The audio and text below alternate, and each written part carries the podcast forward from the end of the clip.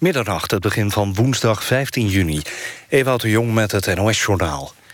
In de Noord-Franse stad Lille zijn aan het begin van de avond... enkele schermutselingen geweest tussen Russische en Engelse voetbalfans. Bij een café in de buurt van het station daagde een groepje Russen de Engelsen uit. Er vlogen stoelen door de lucht, er werd veel geschreeuwd, maar er werd niet gevochten. Komende dag speelt Rusland in Lille tegen Slowakije... en ontmoet Engeland Wales in het nabijgelegen Lens. De vierdaagse pilotenstaking die de komende dag eindigt... kost Air France volgens topman Gagé meer dan 40 miljoen euro.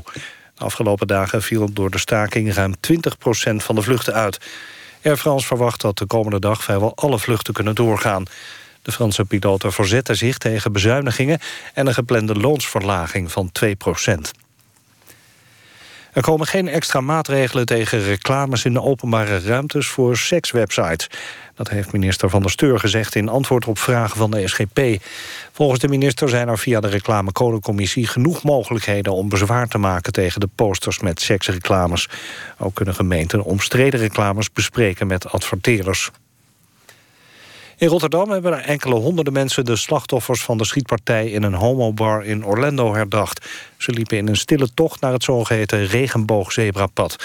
Dat is een oversteekplaats bij het Churchillplein... in de kleuren van de homobeweging. Er werden bloemen gelegd en kaarsen aangestoken. Eerder waren er al stille tochten in Den Haag en Amsterdam. Op het EK voetbal in Frankrijk hebben IJsland en Portugal in Saint-Étienne gelijk gespeeld. Het werd 1-1 nadat de Portugezen de leiding hadden genomen. Eerder won Hongarije in dezelfde groep met 2-0 van Oostenrijk. Alle landen op het EK hebben nu één wedstrijd gespeeld.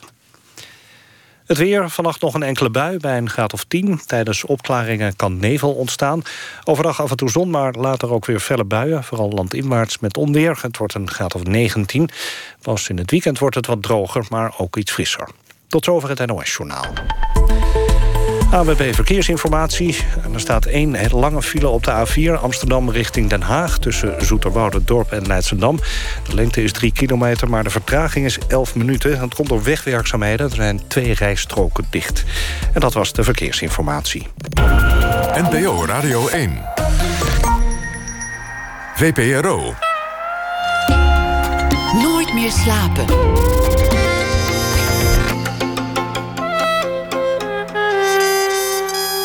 Met Pieter van der Wielen. Goedenavond en welkom bij Nooit meer slapen. Rock'n'roll in het museum. Na Bowie in het Groninger Museum en Nick en Simon in de Fundatie... lijkt rock'n'roll wel hogere cultuur geworden. Cultuurwetenschapper Jaap Kooijman verdiepte zich daarin... en geeft een lezing, een vooruitblik na ene. Componist Joey Raukens komt langs. Zijn stuk Morphic Waves wordt zaterdag voor het eerst uitgevoerd. We beginnen met Lisbeth List. Donderdag opent het Ramses Shaffi-huis de deuren voor de eerste bewoners in Amsterdam. Een verzorgingshuis speciaal voor artiesten, met ook ateliers erbij. Het draagt de naam van Ramses Shaffi als een eerbetoon. Ramses die moest de laatste jaren van zijn leven ook doorbrengen afhankelijk van verzorging.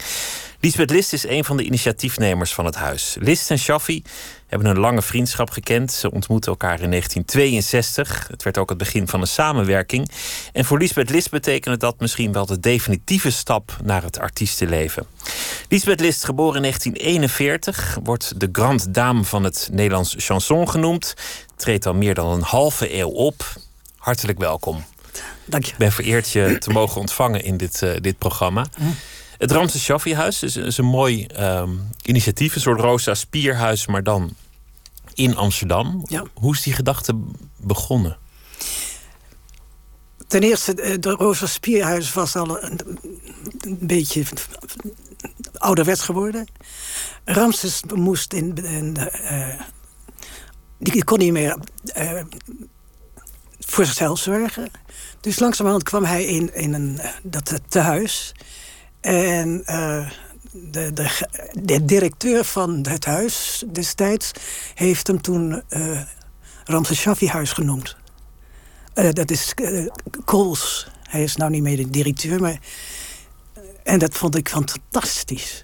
Een Ramses eerbetoon, vond het ook heel geweldig. Een eerbetoon aan Ramses, die, die, die de laatste jaren van zijn leven ook afhankelijk was van verzorging. En ja. in, in, in de geest daarvan is dit een mooi initiatief. Het is een plek waar mensen die niet meer zelfstandig kunnen wonen hun leven kunnen doorbrengen, maar nog wel in een omgeving waar ze zich thuis voelen en waar ze misschien nog kunnen werken of, of geïnspireerd kunnen zijn om zo het leven waardig af te sluiten. Ramses was ook heel blij. Dat dit hij er kwam. Hij genoot als hij daar was. In, het Roos, in de, de, wat is het, Ramses Shaffi uh, omgeving. Ja, in, in zijn verzorgingshuis is hij, hij nog gelukkig geweest. En, Ja, en nu is er dus een, een Ramses Shaffi-huis uh, naar hem vernoemd. Ja. Een, een nieuw verzorgingshuis voor, uh, voor artiesten. en- Artiesten onder andere. En, ja, en van jeugd die eh, de, de- ook. eh, de bedoeling is dat de, de oudere artiesten les gaat geven aan de jonge artiesten. Hetzelfde met muzici, met pianisten. Die dus eh, ja, niet meer kunnen, maar kunnen wel le- lesgeven, lesgeven voor de jeugd. Dus het wordt een, een heel bijzonder gebeuren.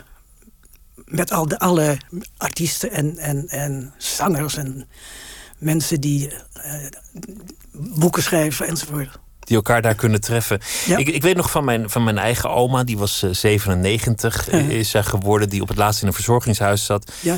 Hoe hard het personeel ook de best deed en met hoeveel liefde die mensen dat werk ook deden. Het, het, het was droevig, want dan was ze veroordeeld tot bingo, terwijl ze haar hele leven zich had verdiept in Plato.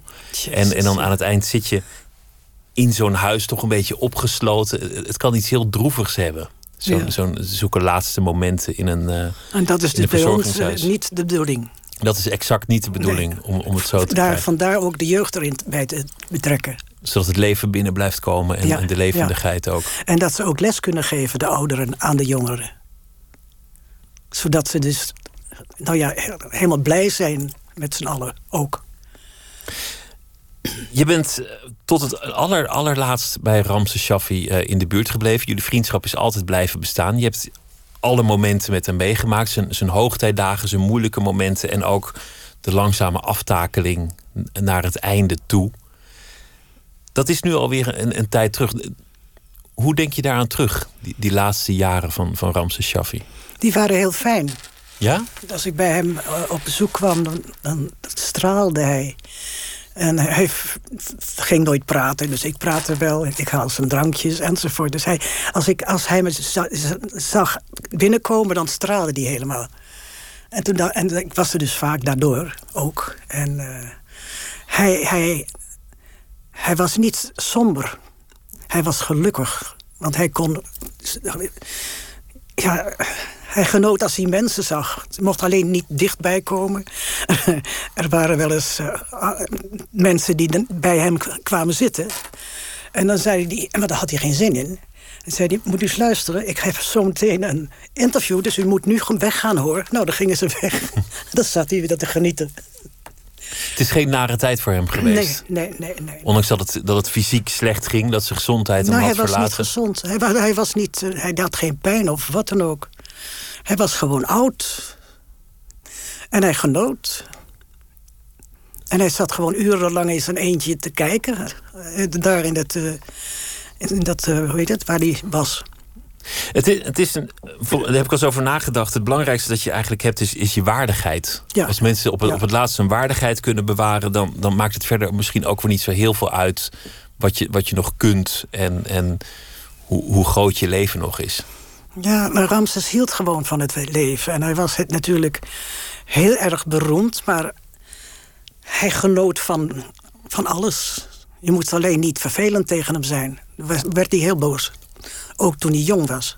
Dat had hij altijd al, daarom is hij en- gewoon en niet veranderd. Blijf van me af. Ook eh, mentaal. Een bijzondere vriendschap die ook, ook vormend is geweest voor jouw eigen leven. Ja. Jullie, jullie leven raakt op een aantal punten elkaar. En, en dat zijn, zijn cruciale punten voor allebei, heb, heb, ik, eh, heb ik de indruk. Heb je ook in die periode nagedacht over je eigen oude dag? Als je iemand die zo dicht bij je staat Nee. ziet, die, die aan verzorging eh, toe is, denk je dan ook van... goh, wan- wanneer kom ik hier zelf terecht? Dat heb ik onder andere geleerd van Ramses. Je, je, ziet- je- ik kijk, ik zie wel.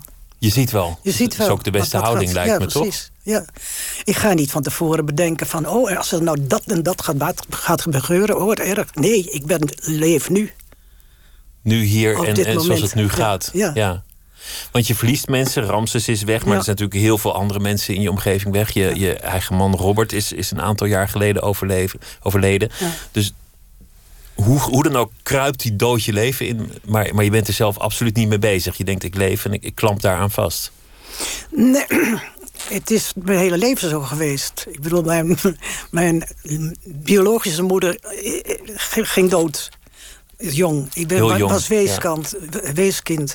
Eh, alles om je heen sterft. En je, daar moet je eh, aan wennen. En, en je kan niet tegen de dood ingaan. Als het zover is, is het zover. Dus ik ga helemaal niet denken van... ja, wat erg, die, die is gestorven. Nou, suivant, wie is de volgende?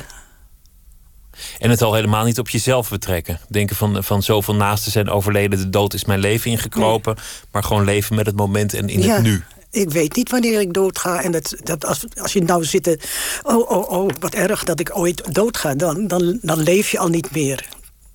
Mentaal. En hetzelfde geldt voor, voor aftakeling, ouderdom, Ja, al dat ja. soort dingen. Ja, niet mee dat- bezig zijn. We zijn niet de enige, we- allemaal. Iedereen wordt oud, iedereen kan ziek worden, iedereen kan ongelukkig zijn of je krijgt ongelegen. Ik bedoel, het is, dat moet je laten gaan. We zitten allemaal in hetzelfde schuitje. Allemaal.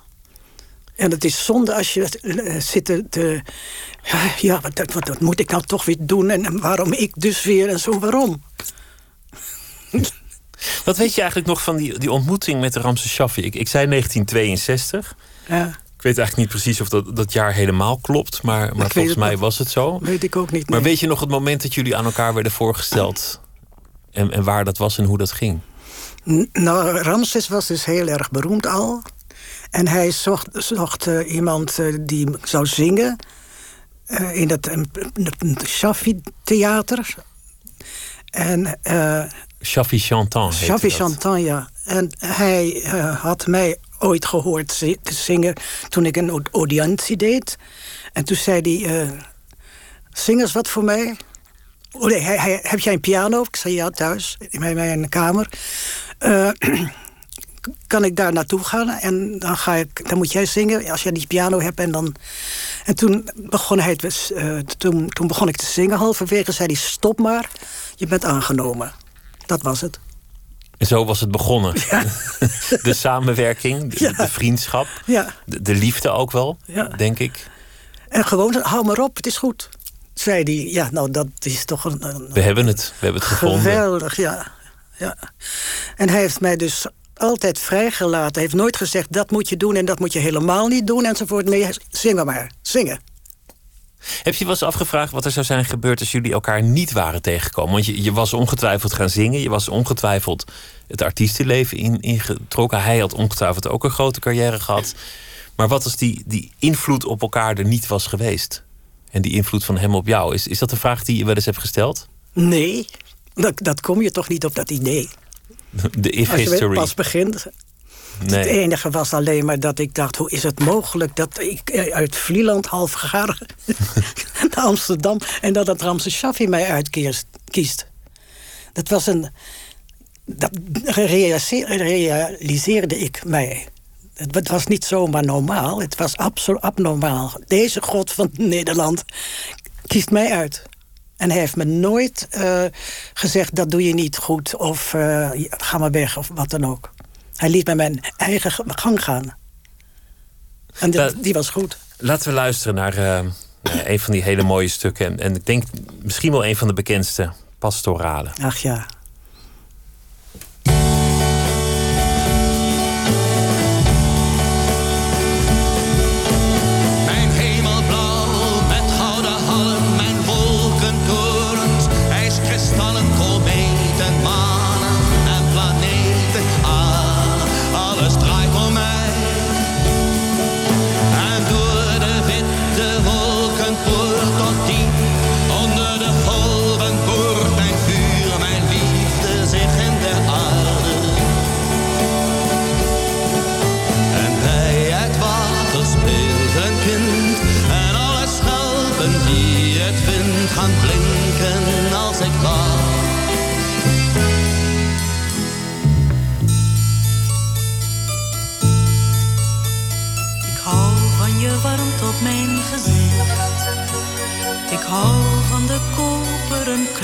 Van je licht.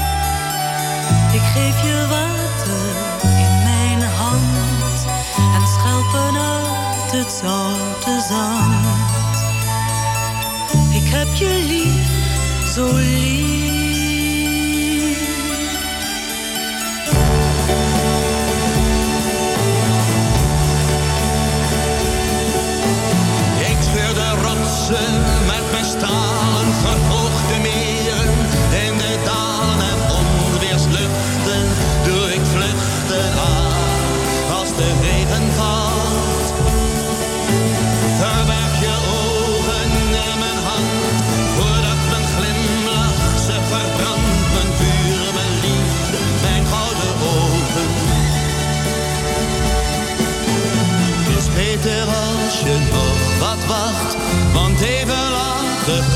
De nacht en de koele maan.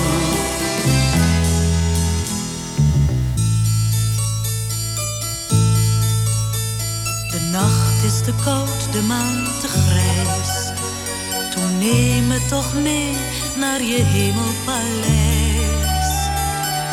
Daar wil ik zijn, alleen met jou. En stralen in het hemelblauw.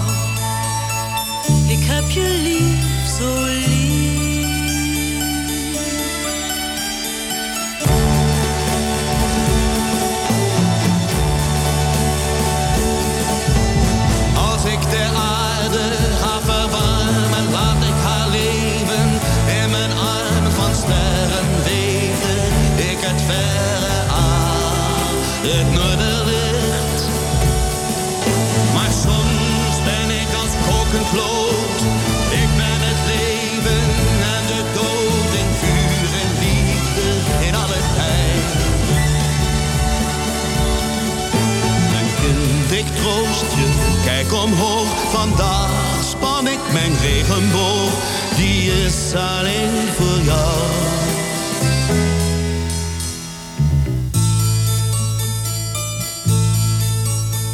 Nee, nooit sta ik een seconde stil. Geen mens kan mij dwingen wanneer ik niet wil. Geen leven dat ik niet begon. Je kunt Ik niet houden niet van de meer zon. bij jou vandaan. Ik heb je lief, zo lief.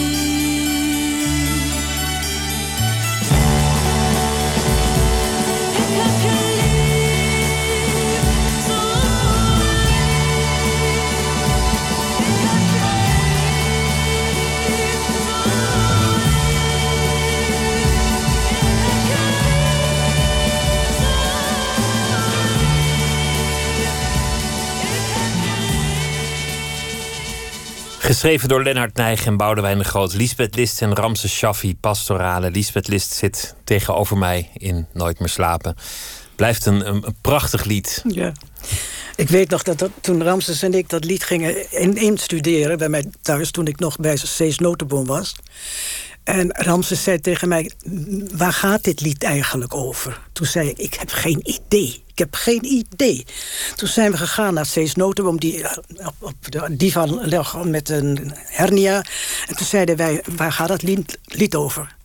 En die werd zo kwaad. Zeiden jullie echt zo stom dat jullie niet weten waar dat lied nou overheen gaat.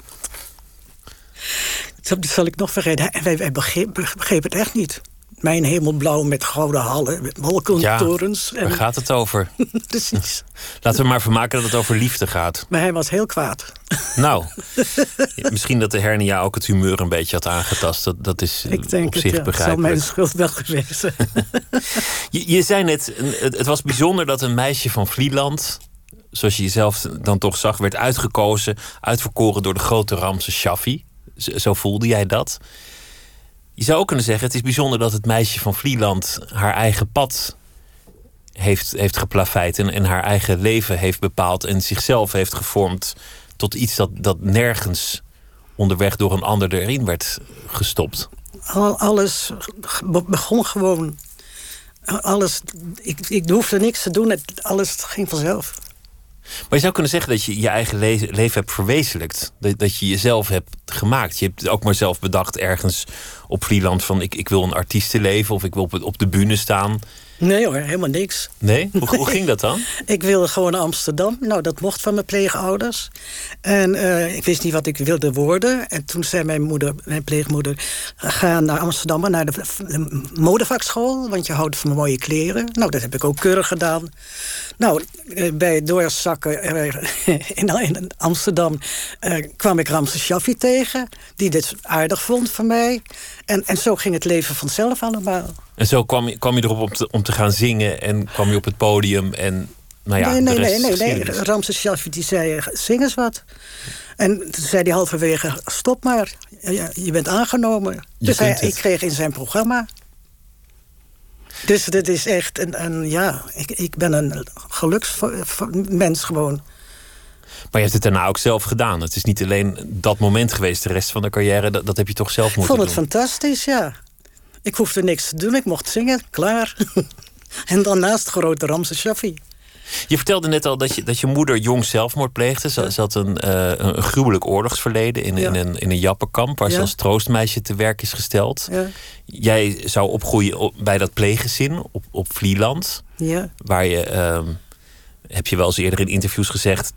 toch een beetje een buitenbeentje was. ja. Waar, waar je toch niet echt, echt thuis hoorde. Hoe, hoe heeft het allemaal doorgewerkt in je eigen leven? Als je daar nu op terugkijkt. Hoe heeft het jou gevormd? dat ik zo sterk was. Want ik, ik, ik vond alles goed. Dus eh, ik deed alles wat men zei wat ik moest doen. En ik had geen... eh, ik had het niet, niet moeilijk mee. Maar waarschijnlijk is dat gebeurd eh, uit, in Indië... Dat, dat het allemaal anders was en de oorlog kwam. En ik weet het niet, maar ik, alles wat er gedaan moest worden... deed ik keurig. Want je hebt daar zelf geen herinneringen aan. Daar was je te jong voor. Je, je Ja, bent van is gelukkig, 41, ja. dus, Ja. dus je was vier toen, toen het allemaal afgelopen was daar. En mijn moeder kende ik dus ook niet. Was, die was eh, vroeg dood. Mijn vader kon niet, ken ik niet. Omdat hij in de... In, eh, hoe heet het? eh, ook in de kampen van... van nou, geeft niks. En eh, toen hij mijn moeder... eh, mijn moeder vond... of bij mij... Toen is hij met een ander gaat gaan trouwen. Dus die heb ik let, ook niet... en ik, ik vond alles normaal. Jij vond alles normaal, waar je ook werd neergezet. Je weet als kind niet wat, je, wat, wat een ander heeft en, en wat je zelf hebt. Je, je kent maar één situatie en dat is, dat is de normale situatie. Omdat je als kind geen andere ervaringen hebt. Je kunt het nergens aan spiegelen. Eh, weer een voorbeeld. eh Ramses en ik zijn dus de soulmates.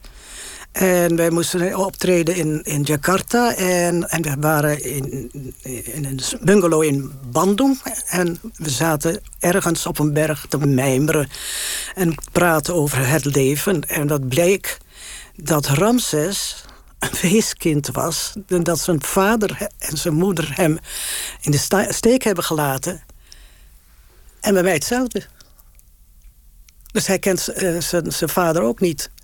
En toen, ik, zei van, maar dat kan toch niet waar zijn? Ik ben een weeskind, ik ken mijn vader en mijn moeder niet. Nou, toen bleek dus dat wij, wij hadden nooit daarover gesproken, Ramses en ik. Maar op die berg kwam dat mijmeren, dat, dat, dat ik daar ben geweest enzovoort. En toen, toen begrepen we dat wij, eh, hoe heet het, soul brothers zijn. Dat dat toch een soort herkenning moet zijn geweest. Ja, en zonder andere het, manier. ja, zonder het te vertellen dat je een weeskind bent. Zonder dat je het weet dat je in, in een kamp zat. Dat vertelde je niet aan de ander.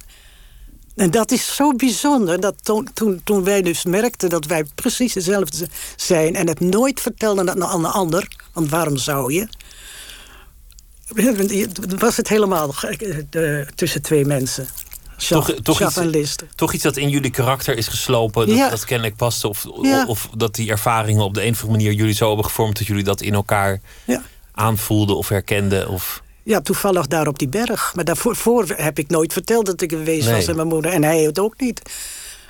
In, in de film die over jou gemaakt is, zegt jouw halfzus dat, dat jouw biologische vader je vermoedelijk naar een pleegzin heeft gestuurd om je te beschermen voor je stiefmoeder. Omdat dat hij ergens aanvoelde dat die stiefmoeder jou nooit zou accepteren. Als een soort overblijfsel van een vorige liefde zou ze jou nooit aanvaarden. Daar weet ze helemaal niks van. Want ik eh, ben gewoon afgelegerd in Vlieland.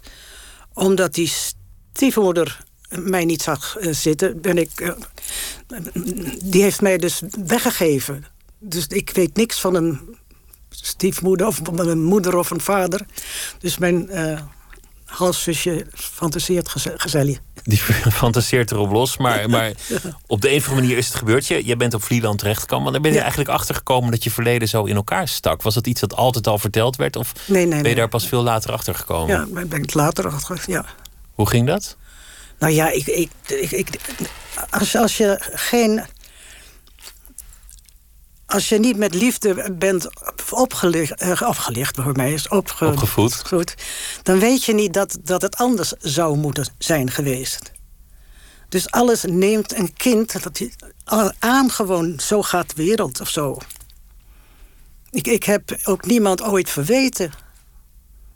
Maar er moet een moment zijn geweest dat je op zoek bent gegaan. Of dat iemand je heeft verteld hoe het is gegaan. Hoe, hoe, hoe jouw verleden in elkaar zat. Wat jouw moeder is overkomen.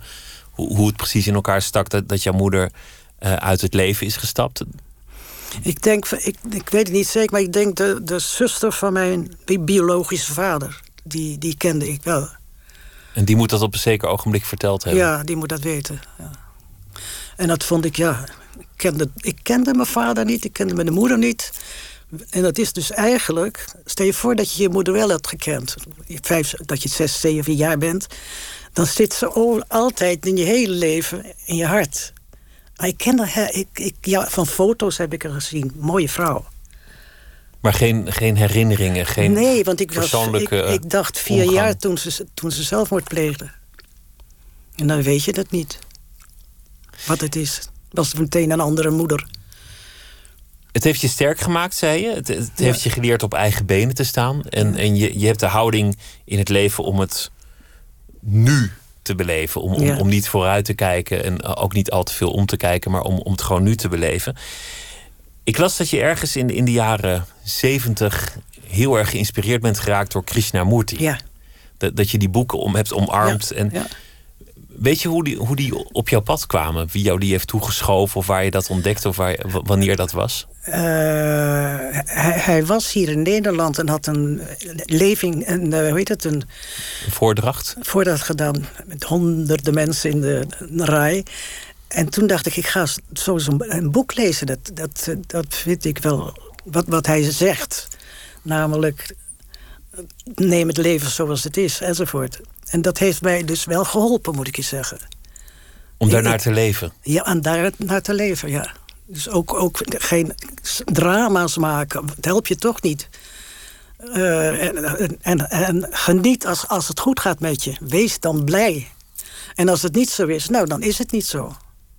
En de belangrijke wijsheid die, die, die misschien heel bazaal klinkt, maar die altijd bij hem terugkomt, is: kijk en luister. Wees zintuigelijk. Zie wat er om je heen gebeurt. Ja, En probeer niet te oordelen. Stel dat oordeel uit. Ja, Maar, maar wees je eerst bewust van wat er in je omgeving is. En realiseer je dat jij niet Ja. wezenlijk anders bent dan de anderen. precies. Jij hebt pijn, zij hebben pijn.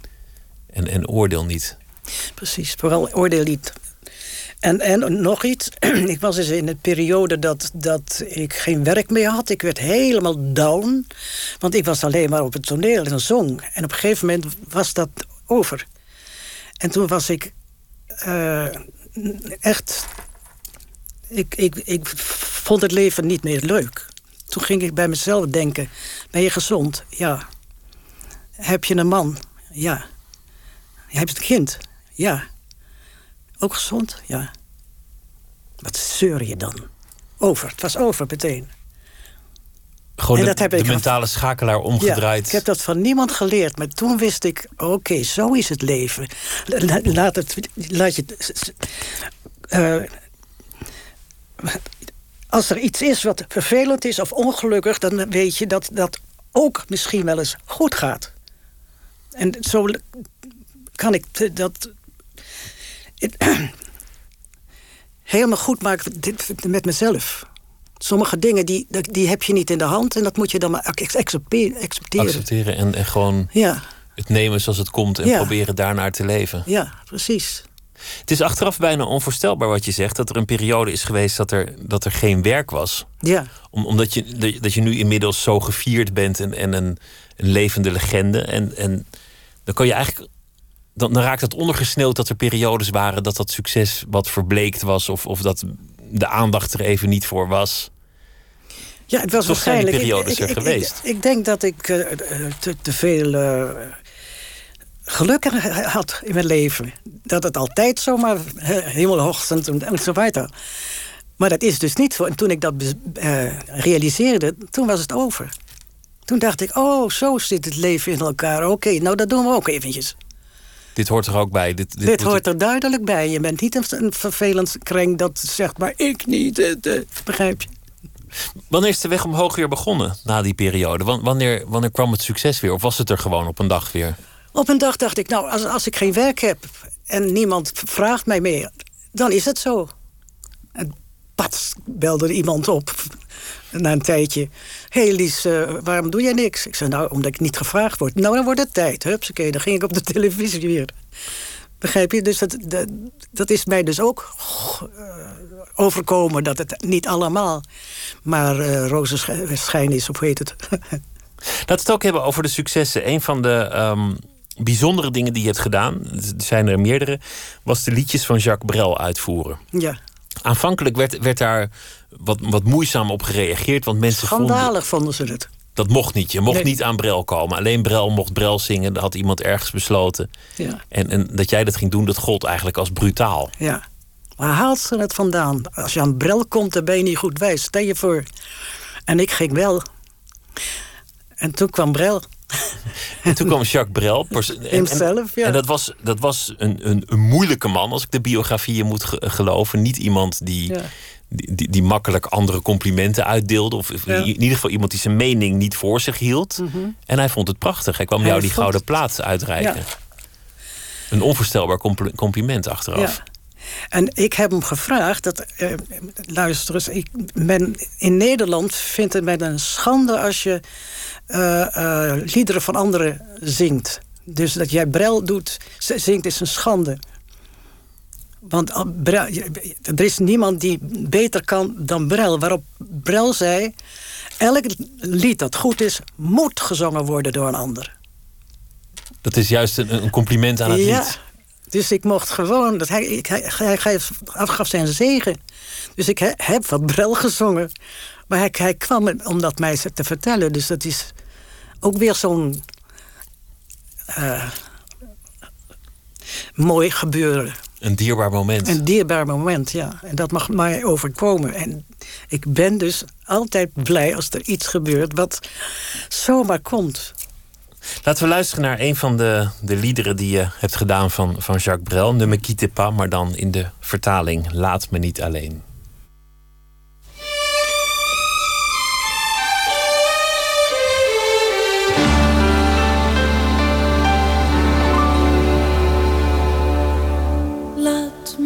Alleen. Toe vergeet de strijd, toe vergeet de nijd. Laat me niet alleen. En die domme tijd vol van misverstand, ach, vergeet hem, want het was verspilde tijd. Hoe vaak hebben wij met een snijdend woord ons geluk vermoord? Kom, dat is voorbij. Laat me niet alleen, laat me niet alleen. Laat me niet alleen, laat me niet alleen. Lief, ik zoek voor jou in het stof van de regen,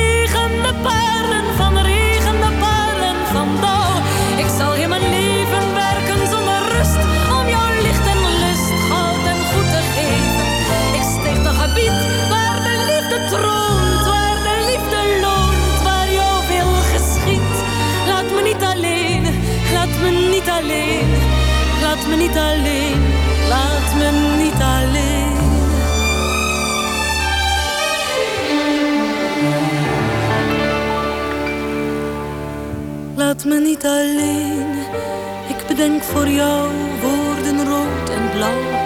Taal voor jou alleen, en met warme mond zeggen wij elkaar eens. Was er een paar dat zichzelf weer vond. Ook vertel ik jou van de jonkvrouw die stierf van nostalgie hunkerend naar jou. Laat me niet alleen, laat me niet alleen. Laat me niet alleen, laat me niet alleen. Want uit een vulkaan die was uitgeblust, breekt zich naar wat rust toch het vuur weer baan. En op oude grond ziet men vaak het graan heel wat hoger staan dan op verse grond. Het wit mint het zwart, zwakheid mint de kracht, daglicht mint de nacht. Mijn hart mint jouw hart. Laat me niet alleen, laat me niet alleen, laat me niet alleen, laat me niet alleen.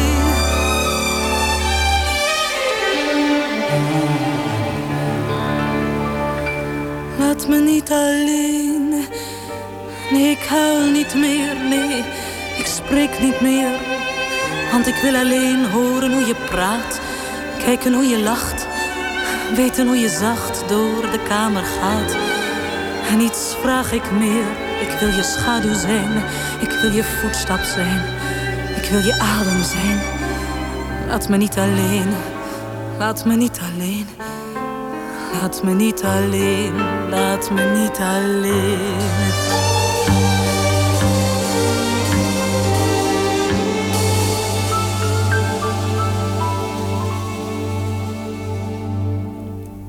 Laat me niet alleen. Een uh, vertaling van de Mequite Pas van Jacques Brel. Dit keer in de uitvoering van Lisbeth List, die uh, Brel ook zou ontmoeten. Brel zou zijn waardering uitspreken voor het project de gouden plaat uitreiken en daarmee de kritiek doen verstommen die aanvankelijk klonk toen Lisbeth List het waagde om Brel uit te voeren. En jullie zouden, jullie zouden elkaar ook van nabij meemaken, nog, nog uit eten geweest en ja. uh, liederlijke nachten meegemaakt met, met, dronken, met de, dol en dwaas.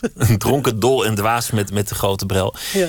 Je hebt samengewerkt als het gaat over het Frans chanson met, met zo'n beetje alle grote. Asnavour heb je meegemaakt, Gilbert Bécaud. Uh, ineens stond je daartussen en, en ook vaak in Parijs zelf, de, de, de stad. Wat, wat zeker in die jaren een soort magneten was van alles dat, dat van leven hield en, en op zoek was naar een zekere grootsheid. Mhm. Mm -hmm. Je kwam van Vlieland. Die gedachte aan, aan dat leven, droomde je daar al, al van op Vlieland? Was het, was het iets waar je ooit aan dacht als, als, als tiener, als meisje, om, om nee. in Parijs terecht te komen of in, in Amsterdam? Ik wilde naar Amsterdam. Dat wel? Ja. En, en, en, ik was erg in de mode. Dus ik wou, uh, ik ben dus ook naar een modevakschool gegaan geweest. Maar het, ik had er geen geduld voor. Voordat je een jurk hebt gemaakt, dan is het Met maand patronen en, en ja, eindeloos naaien en, en al dat, dat soort was ik dingen. niet geschikt voor. Dus, uh, maar toen heeft mijn, mijn moeder, uh, mijn pleegmoeder gezegd... ga dus naar de vakschool en kijk maar wat je wil. Nou ja, en toen toen ben ik op kantoor geworden, secretaresse geweest een tijdje. En toen, ja, toen kwam Ramses. En zo, zo begon die, die grote carrière. Droomde je al van Parijs? Of was dat iets dat, dat helemaal buiten je horizon lag? Nee, iedereen in, in, mijn, in mijn leeftijd was... Oh, Parijs, als, als, als, als moest je... Uh, hoe heet het? Uh, liften. Liften, men ging. Behalve ik natuurlijk. je bleef hier Nee, ik mocht niet van mijn ouders. Ja. Nee. Maar goed, uh, de, die jeugd was allemaal francofiel hoor. Mijn leeftijd dus. Later zijn de Beatles, de Beatles en de Stones het beeld van de jaren zestig gaan bepalen. Ja. De, de, maar, maar dit was denk ik voor een heel groot van, deel van Nederland ja. hoe de jaren zestig werden beleefd. Ja. Dat waren niet de Beatles en de Stones, nee. dat was Brel en, en Asnavour. Ja, francofiele, ja. Francofiele. Het podium ging je altijd makkelijk af. Je, je, de, de, schijnwerpers die deden je goed. Je voelde je daar gemakkelijk bij. Ja. Dat is opmerkelijk voor iemand die, die zichzelf omschrijft als een, een, een meisje van Vlieland. En die, die toch allemaal bijzonder vindt dat het allemaal haar overkomt eenmaal op het podium speelden dat soort dingen geen rol. Nee. Dan, dan werd je groter dan jezelf. Ja. Dat, dat is volgens mij altijd zo geweest. Er is nooit een moment geweest dat je daar schuchter stond. De, de, scho de school was toch de, die Franse. Dus Bécaud, eh, als daarvoor uh, Juliette Greco. Ik ging naar, de, naar Parijs om ze te zien. En als ze in Nederland waren ook. Dus ik, ik keek alleen maar hoe zij uh, toneel opkwamen. Hoe ze gaan staan. Uh, wat, wat ze doen met hun handen. Begrijp je? Dus ik, ik, dat was mijn school. Dus toen ik eenmaal op toneel kwam, ging het vanzelf. Maar je had geen zenuwen, je had, je had, je had geen twijfels, er was geen onzekerheid. Nee, ik, ik, stond naast Ramses Shaffi. Wie krijgt dat nou voor elkaar? Dus ik zag Ramses eh, eh, Grootse groot. gebaren maken. En, die maakte mij blij. Dus als ik op toneel stond, ging ik mee. De, deed niet na, maar het was alleen maar één grote liefdesgebeuren eh, met elkaar en de muzici. Het publiek ruikt het, of, of het klopt of niet. Als de schijnwerpers Mhm. Ja. aangaan en er staat iemand vol overtuiging of iemand met, met twijfel die er eigenlijk niet hoort. Het, het publiek is meedogenloos Ja. en zal dat binnen een seconde voelen. Ja. De een, de een kan daar staan, de ander kan er niet staan. En het, het is het lot die dat beschikt. Bij jou was het vanaf het eerste moment zo dat je daar kon staan. Mhm. Maar als de schijnwerpers uitgingen, dan, dan, dan was je weer rustig, Ja, ja, ja. bescheiden, zelfs iets wat verlegen. Het is zo dat er zijn artiesten die de mooiste liederen zingen, maar niet weten wat, wat ze zingen. Dus ze voelen het niet in hun hart. En dus is het, ja, prachtig. Maar als jij het lied wel voelt, dan sleep je het hele publiek naar je toe. Er gebeurt er iets van, oh, wat, enzovoort, begrijp je? En bij mij was Ramses het voorbeeld. Die hij, zingt, hij zong niet zomaar iets, hij was het. En als dat je school is, ja, dan, dan gaat het vanzelf. Bij, je- bij mij dus ook. Maar je had nooit de behoefte om buiten het podium ook een so- soort groot leven te leiden. Om, om, om een gevierde vedette te zijn. Om, om, om jezelf te laten Ja, tracteren op, eh, op eh, glamour en, en, en glitter. Je, wil, je, je- zocht ook altijd een zekere anonimiteit in je persoonlijk leven. ja. Kijk, er zijn za- zangers en zangeressen die gewoon bij hun, in hun eigen huis ook nog fil- filmsterretjes spelen. En i- ik, eh, dat is voor mij onbeschrijpelijk. Ik, ik ga toch thuis niet. Oh, wat, wat, eh, oh schat, wil jij dat eventjes dit voor mij doen? Kom eens hier. Nou ja, het gebeurt. Precies, maar ik hoor niet bij die categorie. categorie. Maar het lijkt dan bijna alsof, alsof er twee kanten aan je persoonlijkheid zijn. Ja, daar op het toneel en daar thuis met, met, met je gezin. Waarbij altijd hielp, en dat, dat is vaak verteld, dat, je, dat, je nauwelijks herkenbaar was. Ja, ik heb wanneer twee je- gezichten. Wanneer je de make-up en, en de, Ja. de pruik afliet, dan- zagen mensen je ook niet eens op straat voorbij komen. Dat was juist het heerlijke. Dus ik, als ik op straat ga of in de winkels, dan ben ik Ellie, Lis, Ellie Driessen. en als ik eh, op toneel, dan ben ik Elisabeth List. Ik heb twee gezichten. Dat is heel prettig. Want dan kun je gewoon eh, de Ja. kinderen naar school brengen en, en Ja. boodschappen doen Ja. en, en noem maar op. Ja. Ik heb het een keer gemaakt dat ik mijn kind eh, van school haalde. Normaal als Ellie Driessen. Hè? Dat en, en één keer had ik een fotosessie, dus ik was helemaal opgemaakt. Maar aangezien je dat zelf niet ziet, ging ik naar school en haalde mijn kind. En toen zag de hele mispogen, dat is Lisbeth List die de hele tijd is geweest. Toen dacht ik, oh, en toen was ik, was ik opeens een vervelend mens, weet je. Van wat een kapsonus heb dat mensen. Dat zeggen mensen dan omdat ze weten dat je bekend bent en, en Ja, dan- dan verwachten ze allerlei dingen ja, van je ja, ineens. Dat was heel raar. Toen dacht ik, oh, oh, oh. Ik ben zo blij dat ik niet zo ben. Ik denk dat veel mensen capsones ontwikkelen ook als een schild, als, als een manier van zelfverdediging, stekels die je opzet. ja, ja. Om, omdat, nou ja, dit soort dingen, mensen gaan zeggen dat je capsones hebt. Maar iets anders is natuurlijk dat mensen altijd de neiging hebben om een ander ergens neer te zetten. Misschien Mhm. kleiner te maken dan iemand is. Om, om iemand niet het volle licht te gunnen. Dat is uh, zonde voor, voor, voor je energie. Om daarmee bezig Daar te begin zijn. ik niet mee, nee. Daar heb ik ook geen last van. Is dat je nooit overkomen? Dat, dat mensen jou niet het, het volle licht gunden of, of niet gunden dat je jezelf kon verwezenlijken tot wie je ja. wilde zijn? Ja hoor.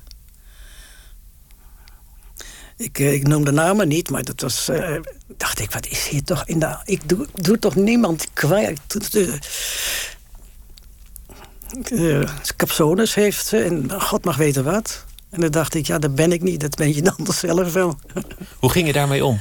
Eh, ik dacht na. Waarom ben jij zo negatief tegenover een ander en ik doe niks wat jou of zij of hij pijn zou kunnen doen? je dacht na over de motieven van die ander en, en, en daardoor kon je het dan dit, dit, voor dit jezelf is toch plaatsen. heel zielig. Jammer dat ze dat zoiets zijn, dat ze zo zijn. En dan het gekke is, na een aantal jaren is dat veranderd dan. En dan- dan blijkt, blijkt iemand aardig te zijn, opeens. En dat vind ik zo bijzonder. Interessant, ja. Ja. Want ze zijn dus gaan, gaan nadenken en ik scheld niet terug of ik doe helemaal niets. Want het is mijn probleem niet. en dan komt het later. En dat vind ik heel bijzonder.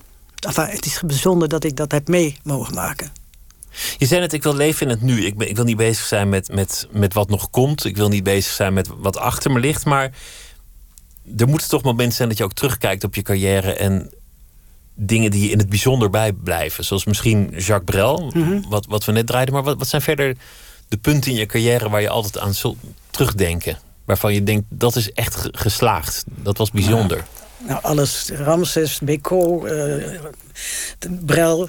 Maar, maar mijn leven is niet van vroeger, maar dat is iedere dag pas.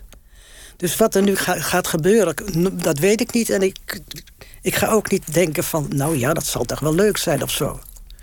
Ik, ik laat het leven over mij heen gaan. Zien wat er gebeurt. Ik zien zie wie je wel, ik, tegenkomt. ik zie wel, ja. zien wat Ze moeten me niet eh, traineren. Maar ja, dan, dan trek ik me toch terug. trek je terug in, in, Ja. in jezelf of in je huis of, of Ja, waar ja, dan ook. Dan maak je dat je wegkomt. Je, je gaat de strijd niet aan, maar Nee. je maakt gewoon dat je wegkomt. Wat, wat ik heel leuk vond was eh, eh, vorig jaar een album waar, waarin je eh, de samenwerking aanging met, met heel veel andere artiesten, waaronder bijvoorbeeld Typhoon. Ja, Iemand echt, echt van nu. ja, En, en mooi om te horen hoe dat werkt. Frank Boeien, met wie je heel veel hebt samengewerkt. ja, nog steeds. Dat is natuurlijk ook leuk om, om nu nog met, met weer nieuwe mensen samen te werken. Lijkt me interessant. Nou ja, Typhoon bijvoorbeeld. We hebben een duet gezongen op mijn laatste cd. En als, je, eh, ja, als, als, als hij op de televisie is, dan denk ik... kom maar, schat. Het is zo leuk, joch. Zullen we luisteren naar ehm, een van de stukken van dat album, van Echo, en dat heet Mateloos. Ja.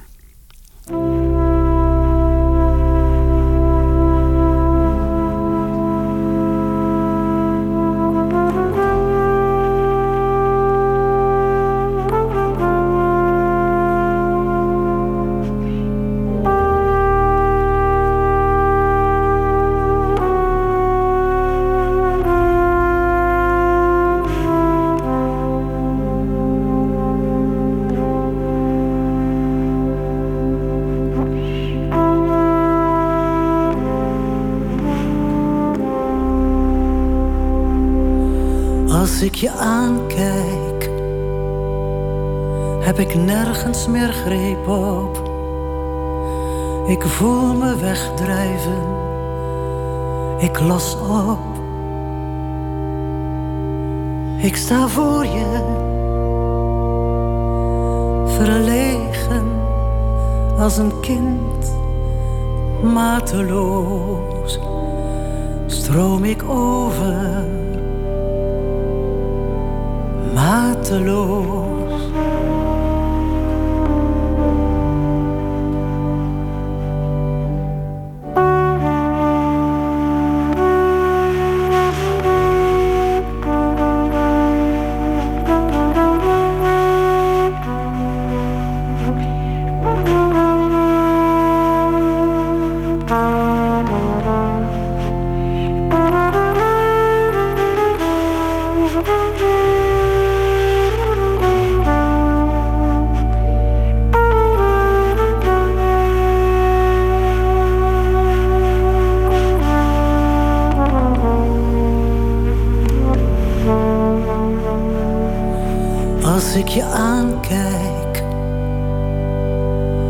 Nergens meer greep op. Je straalt onder je huid in de nacht.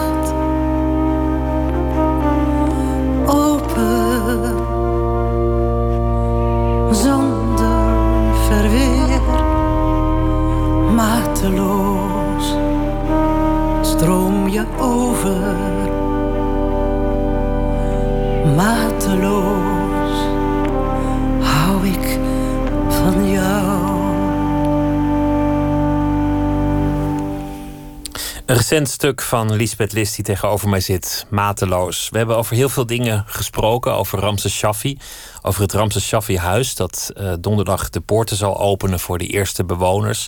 Over de laatste maanden van Ramses, dat hij gelukkig was. En daar genoot van de dingen die hij nog had. En hoe hij zijn waardigheid behield en zijn, zijn lust voor het leven. Over jullie ontmoeting, 1962, wat het begin werd van, van jouw zangcarrière. Het meisje van Vlieland, dat werd uitverkoren door de toen al beroemde Ramses Shaffi. We hebben het gehad over je, je loopbaan, de samenwerking met bijzondere artiesten en alle dingen die je hebt meegemaakt, zoals de lof van Jacques Brel. Uh, het, het, te mogen krijgen, wat, wat bijzonder was. Over je levenshouding, Krishnamurti, een filosoof die op jou invloed had. Niet omkijken, niet vooruitkijken. Waarnemen waar je bent. En niet te snel oordelen over je eigen lot. Het ego temmen is eigenlijk iets dat hij zegt. We hebben het gehad over de schijnwerpers hoe je daarin tot leven kwam, maar niet de behoefte had om, om die, die houding van een diva door te trekken naar het eigen leven. Nergens voor nodig, vond je dat? Mhm. En we hebben het gehad over de ouderdom, ook een thema waar je eigenlijk niet, niet heel veel over wenst na te denken. Neem het zoals het komt, Ja. leef. En we hebben het gehad over successen en ook periodes dat het succes gewoon uitbleef, maar het komt wel weer. Het Ja. komt wel weer goed. Ja. Hoe is je leven nu? Hoe, waar- waar, waar gaan je dagen aan op? Hoe, hoe, eh, hoe gaat het met je, met je gezondheid, met je welzijn? Wat, wat merk je van de jaren die aan je vreten? Daar heb ik geen last van. Nee? Ik heb alleen last van eh, mijn man, die dus eh, twee jaar geleden is gestorven. Dat wil zeggen, ook dat heb, heb ik geaccepteerd, omdat hij eh, te ziek was. Dat hij stierf.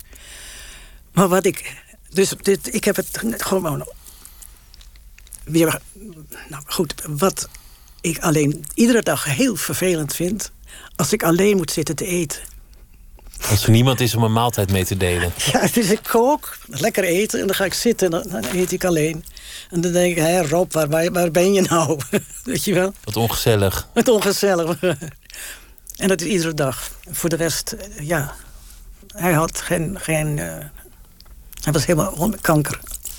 Eh, Het was op het laatst niet meer het leven waard. Nee, aangevreten nee. Door, door die ziekte. Ja, dus dat had ook nooit eh, meer gekund. Maar goed, en daarnaast heb ik mijn dochter en een kleinkind. En dat, eh, ja, dat is dan dus een tresor. Die grote... Dat mij dat nog mocht openen, hè, hoe heet dat nou? Overkomen. Ja, op mijn 41ste werd ik dus moeder. relatief laat. Ja, eigenlijk, eigenlijk Ja. op de valreep, biologisch, denk Ja. ik.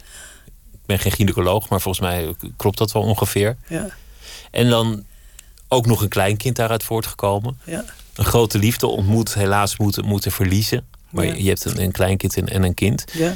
Hoe belangrijk is werk nog voor je op dit moment in je leven? Het is geen werk voor mij. Nooit geweest ook, hè? Nee, het is op het toneel eh, feest vieren met de beste muzici, hoor. Hoeveel ben je daar nog mee bezig op dit moment? Eh, ik, ik, ik heb iets van 50, 60 voorstellingen gehad met Annemarie Oster. Ja. Dus nou is het een, nou ja... Jullie hebben twee jaar, twee jaar gereisd Twee al met jaar, al. Ja. En nu even rustig. ja. Nou ja, in, in de zomer hebben wij geen eh, werk. Want wij, het is alleen maar e- optreden in de, in de thea- de theaters, hè, begrijp je. Dus ik, ik weet het eventjes nog niet. Er komt wel een, een musical. Lisbeth heet dat. En Liesbeth, ja, een musical over jouw leven komt er. Nou nee, echt een musical. Waar, juist, waarbij Ja. het leven dus... eh, want er is zoveel gebeurd in mijn leven. Dus het wordt alleen maar heel prima. Dat is toch mooi, is een hommage aan, Ja, aan daar, jouw daar, word je, daar word je kind van. Het is zo leuk. Zomaar uit eh, de lucht ko- komen vallen. En we hebben de Lisbeth al eh, gecast, dus die is er al. Is dat, is dat wat, wat je uiteindelijk van plan bent? Om, om muziek te maken en op te treden tot, tot, tot je allerlaatste ja, snik? ja. Gewoon, Ja, want zo, je- zo, zo, zolang het, het kan, eh, of ik gevraagd word, maar er komt steeds weer iets. Dus eh, dan denk ik, net zoals die musical, dan denk je, ja, dat krijg ik nou toch ook weer op mijn schoot. Wat heerlijk. het komt op je pad en, en, en, en je aanvaardt dat. Ja, Je hebt ook in, in de jaren zeventig eh, samengewerkt met eh, de, de Griekse componist Theodorakis. ja. Dat, dat was de, de, de, de, de Mauthausen-cyclus. Ja. dat, dat waren eh, liederen over de oorlog. Ja. Iets, iets wat jou dierbaar was, omdat je zelf natuurlijk een oorlogsverleden hebt. Ook al was je heel klein, maar, maar daardoor raakt dat thema jou. Die wordt nog elk jaar wel weer ergens op een of andere plek uitgevoerd of ten gehore gebracht. En dat is iets waar je zelf ook altijd bij betrokken blijft. Dat project. Wa- waarom is dat zo'n dierbaar project geworden? Ten eerste de teksten, hè? Ja? Nee, doodje maakt me toch niet bang. Eh, ik leef nog maar even, ja, enzovoort. Eh, ik, ik ben gevraagd eigenlijk door eh, Nico, nog iets, een vriend van Mikis Theodorakis. Die zei, eh, Mikis heeft een prachtige cyclus en dat moet jij zingen. Toen heb ik dat eh, gehoord en dacht ik, dat ga ik doen. Want die teksten zijn zo prachtig, één. En twee, ja, die oorlog is eigenlijk nooit weg als je die liederen zingt. Eh, begrijp je? Het is. Het is eh, voor mij heel bijzonder als ik die cyclus zing. Bijvoorbeeld bij een begrafenis. Of gewoon eh, of als ik gevra- gevraagd word. Doe je dat wel eens op, begrafenissen zingen? Nou, als, als ik iemand ken. Nee, nee, nee. Nee. Nee, nee. Nee, want het lijkt me eerlijk gezegd ook verschrikkelijk om, om te moeten doen. Ja, ik, ik, eh, ik, eh, ik heb iets tegenover dood, doodgaan niet, maar ik, ga niet naar een begrafenis. Je houdt niet van begrafenissen. Ik kan er niet tegen dat een, dat een kist in, in, in de aarde wordt ge- gele- gelegd. Nee, het moet gebeuren, althans je moet er iets mee. Ja. Maar het, het is natuurlijk het is een, Vreselijk, gruwelijk gezicht. Ja. ja, ja. Maar over die, over die cyclus, die wordt nog regelmatig uitgevoerd. Nou, en, het is een beetje ver, eh, weg nu. Waarschijnlijk omdat de, mijn eh, hoe heet het, leeftijdgenoten eh, die liederen niet meer zingen. En de, nieuwe, die weten niet dat dat bestaat. Dus misschien, misschien sterft dat een klein beetje uit op dit moment. Ik, dan, ik denk dat ja. Want maar wordt dan- vanzelf wel weer opgeraapt. Want voorheen was het bijna ieder jaar dat ik eh, de hele cyclus zong. Er komt een musical aan. Je, je, je gaat ook gewoon weer optreden en nieuwe muziek opnemen. Ja. Alles gaat door zoals Ja. het ging Ja. de, de komende jaren. Ja. Is er nog eigenlijk tussen al die dingen een grote droom? Of is dat ook niet hoe, hoe jij denkt? Nee, want die komen toch nooit uit.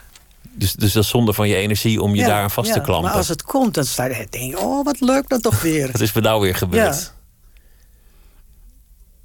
Eh, Donderdag is, is de opening van het uh, Ramses Shaffi-huis. Ja. Ben jij ook aanwezig eigenlijk? Als de eerste bewoners daar worden binnengelaten? Of is dat meer een, een nee, dat zou ik moment toch maar dat eens ze een zelf... keertje ver- vertellen. nee, dat heb ik niet... eh, heel vreemd. Heel vreemd. Nou ja, Ja, maar- we, merken het wel. Lisbeth Lis, het was, het was me genoegen om je hier te mogen ontvangen. Ik wens je heel veel succes met alles wat je gaat doen. En eh, gefeliciteerd met het openen van het Ramses Shaffi-huis. Dank je wel. Dank je wel, want ik vond het heel spannend. Dank je. Zometeen in Nooit meer slapen gaan we het hebben over popmuziek versus de hogere kunst. Bestaat dat onderscheid eigenlijk nog wel? Met exposities in grote musea over David Bowie of Nick en Simon lijkt die grens definitief vervaagd. Cultuurwetenschapper Jaap Kooijman die heeft een lezing erover geschreven. How can you expect to be taken seriously? Naar de Pet Shop Boys. Zometeen een vooruitblik op die lezing. Ook een gesprek met uh, Joey Raukens. Hij is componist en zijn compositie Morphic Waves wordt komende zaterdag voor het eerst ergens ter wereld uitgevoerd. En dat gebeurt in het concertgebouw. En Gerard van Emmerik is schrijver en hij zal deze week elke nacht een verhaal voordragen bij de voorbije dag. En dat doet hij ook uh, vandaag. Een reactie op de actualiteit. En het uh, beroemde Burning Man Festival, elk jaar een evenement op de sociale media vanwege de spectaculaire foto's, krijgt ook een Nederlandse evenknie. We gaan kijken wat dat ongeveer moet opleveren. Het zal gebeuren op de Veluwe. En het heet While Sheep Sleep. Twitter, het VPRO NMS. En we zitten ook op Facebook. En u kunt zich abonneren op de podcast via iTunes of de website van de VPRO.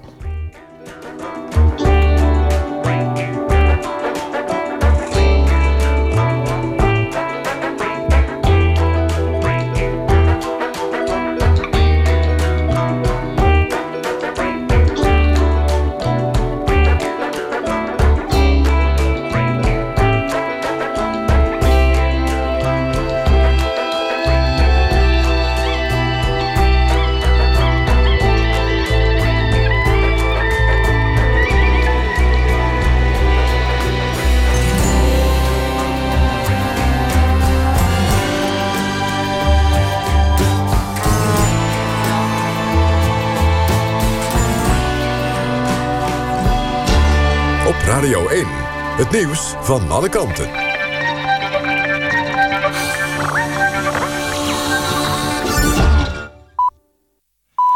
1 uur, Ewout de Jong met het NOS-journaal. De wereldwijde dekking van de zorgverzekering blijft gehandhaafd. In de Tweede Kamer zien weinig partijen iets in het plan van minister Schippers. Die wil dat mensen die buiten Europa gaan studeren of op vakantie gaan... zich extra laten verzekeren. De partijen zetten grote vraagtekens bij het nut. Ze vinden dat Schippers niet kan bewijzen dat het, zoals ze belooft... 60 miljoen euro besparing kan opleveren. In de Kamer is eigenlijk alleen de VVD voor het plan. De andere partijen vinden het onnodig, oneerlijk... en ze voorzien veel bureaucratie. Overigens willen ook de verzekeraars de werelddekking van de zorgverzekering behouden. In de Noord-Franse stad Lille zijn aan het begin van de avond enkele schermutselingen geweest tussen Russische en Engelse voetbalfans. Bij een café in de buurt van het station daagde een groepje Russen de Engelsen uit. Er vlogen stoelen door de lucht, er werd veel geschreeuwd, maar er werd niet gevochten. De komende dag speelt Rusland in Lille tegen Slowakije... en ontmoet Engeland Wales in het nabijgelegen Lens. De UEFA heeft aangekondigd dat Rusland uit het toernooi wordt gezet... als de fans zich weer misdragen. Schotland dreigt met een nieuw referendum over onafhankelijkheid... als het Verenigd Koninkrijk besluit de Europese Unie te verlaten. De Schotse premier Sturgeon heeft dat gezegd. Op 23 juni kunnen de Britten erover stemmen. In heel Groot-Brittannië zijn volgens peilingen ongeveer evenveel voor... als tegenstanders van een brexit. Maar ruim driekwart van de Schotten wil in Europa blijven. De Schotten kunnen het geld en de afzetmarkt van de EU niet missen, zeggen ze. Zo wordt 40% van de drank, voornamelijk whisky, naar Europa geëxporteerd. Daarnaast worden in steden als Glasgow verpauperde buurten leefbaar gemaakt met Europese subsidie. Het weer, vannacht nog een enkele bui bij een graad of 10. Tijdens opklaringen kan nevel ontstaan. Overdag af en toe zon, maar later ook weer felle buien. Vooral landinwaarts met onweer. Het wordt een graad of 19. Pas in het weekend wordt het wat droger, maar ook iets frisser. Dit was het NOS Journaal. NPO Radio 1. VPRO. Slapen.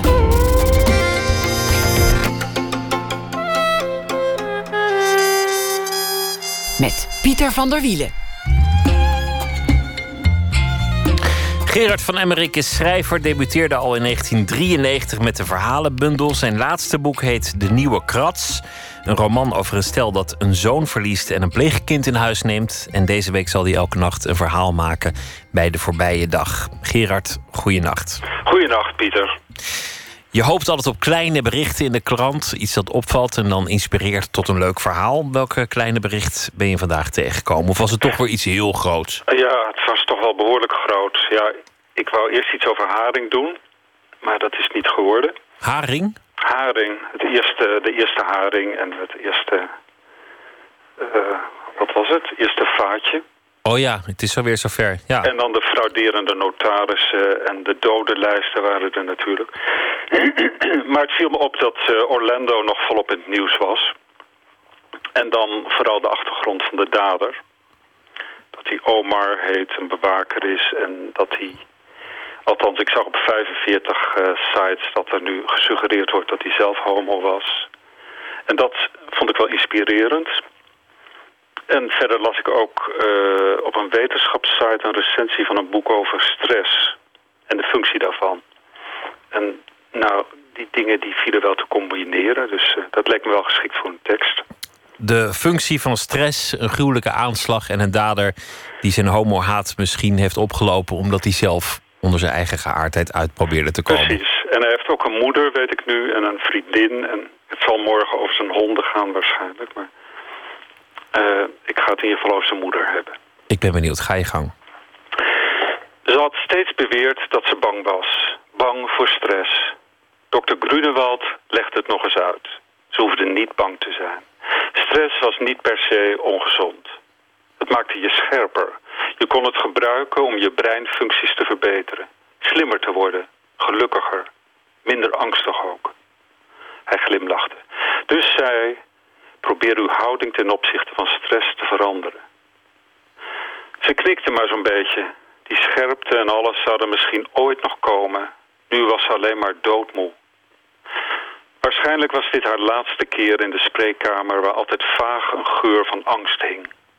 En van chocola. Kijk, Grunewald pakte de bonbondoos al uit zijn la. Ze koos ditmaal een pure met gesuikerde walnoot. Zelf stopte hij iets karamellerigs in zijn mond. Een minuut lang waren er alleen hun zachte zuig- en kauwgeluidjes. En, wat gaat u nu doen? zei hij tenslotte. Behalve stoppen met bang zijn? Gewoon, zei ze naar huis met mijn zoon. Waar is uw zoon? In de auto, op het parkeerterrein. Hij wacht op me. Toch jammer dat hij nooit eens mee naar binnen wilde, zei Grunewald. Het was eigenlijk geen kwestie van niet willen, zei ze. Hij mocht niet van mij. Hij zou u telkens hebben onderbroken. Te onrustig allemaal. En, uh... en uh, wat? vroeg Grunewald. Ze aarzelde. Hij zei toen, zo kalm mogelijk... Hij heeft zelf ook een beetje last van stress. Een bewaker zijn is niet altijd makkelijk. Ach, hij is bewaker. Nou, dat lijkt me inderdaad niet eenvoudig. Toch kan het ook voor uw zoon geen kwaad om nu en dan stress te ervaren. Stress maakt weerbaar.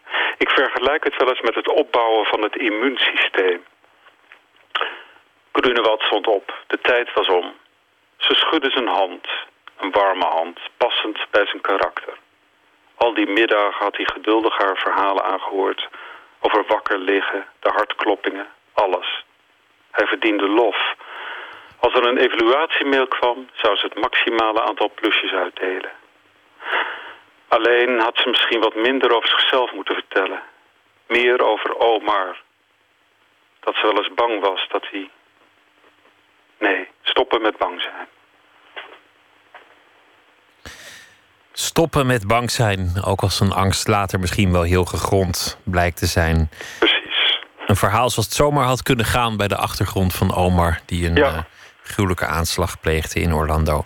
Gerard, dankjewel voor Ja. je beschouwing bij de voorbije dag en een hele Graag goede gedaan. nacht. En graag weer tot morgen. Ja, tot morgen, Pieter. De Amerikaanse soulzanger William Bell ging heel eh, naast op met Otis Redding, de verongelukte legende die ook muzikaal een enorme invloed op Bell had. Werkte ook samen met andere grootheden, Booker T bijvoorbeeld. En hij heeft ondanks, want dat is het verschil, hij eh, is nog volop actief, een nieuwe plaat gemaakt. This is where I live en daarvan draaien we The Three of Me.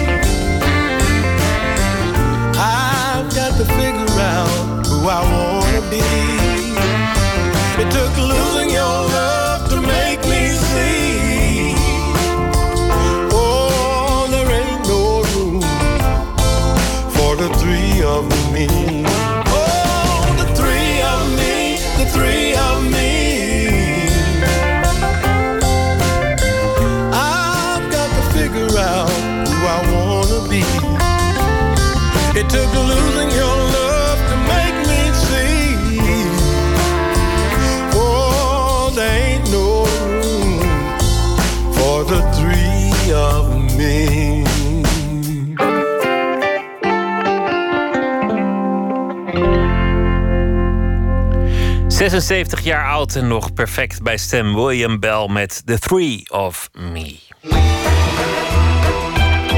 Nooit meer slapen. Vroeger bestond dat nog wel het onderscheid tussen populaire cultuur en hogere cultuur, of tussen popmuziek en de hoge kunst. Maar kun je dat onderscheid eigenlijk nog wel maken? De popart uit de jaren 50 begaf zich al op de grens. En in musea kom je tegenwoordig veel popmuziek tegen. David Bowie of zelfs Nick en Simon. De Universiteit van Amsterdam organiseert morgenavond een lezing over de relatie tussen de kunst en de popmuziek. Verslaggever Jan-Paul de Bond nam een voorschot op die lezing.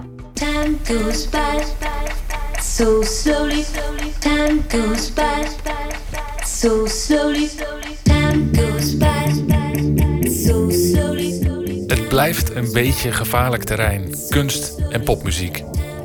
Voor je het weet, verzand je in discussies over welke muziek artistiek verantwoord zou zijn of juist veel te pretentieus.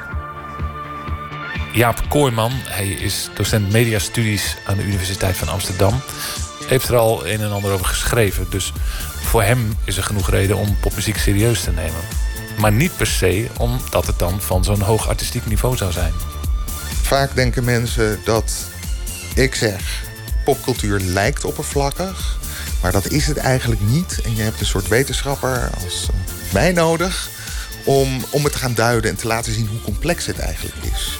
Maar dat is het laatste wat ik zeg. Volgens mij popcultuur met uitzonderingen daar gelaten, maar de meeste popcultuur is vrij oppervlakkig of in ieder geval ehm, duidelijk.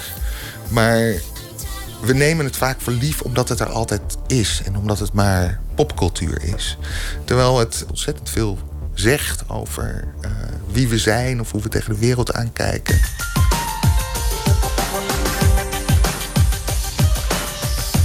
Koester het triviale, wil Kooijman maar zeggen.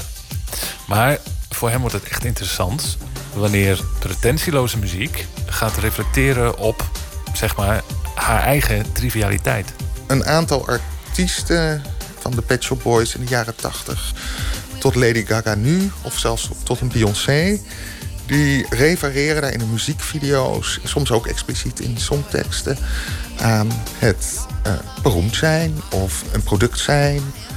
In plaats van te proberen van, nou, we zijn eigenlijk helemaal niet zo oppervlakkig, zeggen ze. Nee, ja, we, we zijn wel oppervlakkig. Hè? En daarmee, door dat te zeggen, zijn ze alweer minder oppervlakkig, maar meer zelfkritisch. De titel is, uh, voor mijn verhaal is een Pet Shop Boys nummer al uit de jaren negentig. Uh, how can you expect to be taken seriously? Dus daar zit die kwinkslag zit er, zit er al in.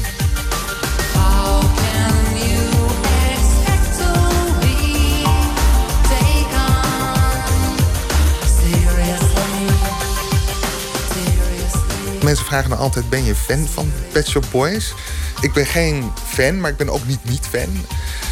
Uh, maar wat interessant is, is dat de Pet Shop Boys heel overduidelijk die zelfreflectie hebben over wat eigenlijk popcultuur is. Het uh, meest beroemde voorbeeld daarvan is een cover van U2, Where the Streets Have No Name. En die mixen ze dan. A, doen ze daar een soort dance electronic synthesizer cover van, van een rocknummer. Hè, wat het nummer al meteen van serieuze rock naar meer triviale, tussen aanhalingstekens, dans maakt. Maar ze mixen het ook nog eens een keer met I Can't Take My Eyes Off of You. En dan in de disco-versie van de Boys Town Gang. Dus dat is eigenlijk nog, nog dubbel commercieel. En door die samen te voegen, halen ze die tegenstrijdigheid onderuit. Dus aan de ene kant maken ze rock minder authentiek en uh, serieus. En tegelijkertijd maken ze pop, disco eigenlijk wat serieuzer en minder triviaal. Dus door die mengvormen te maken, uh, wordt zo'n harde tegenstelling uh, onderuit gehaald.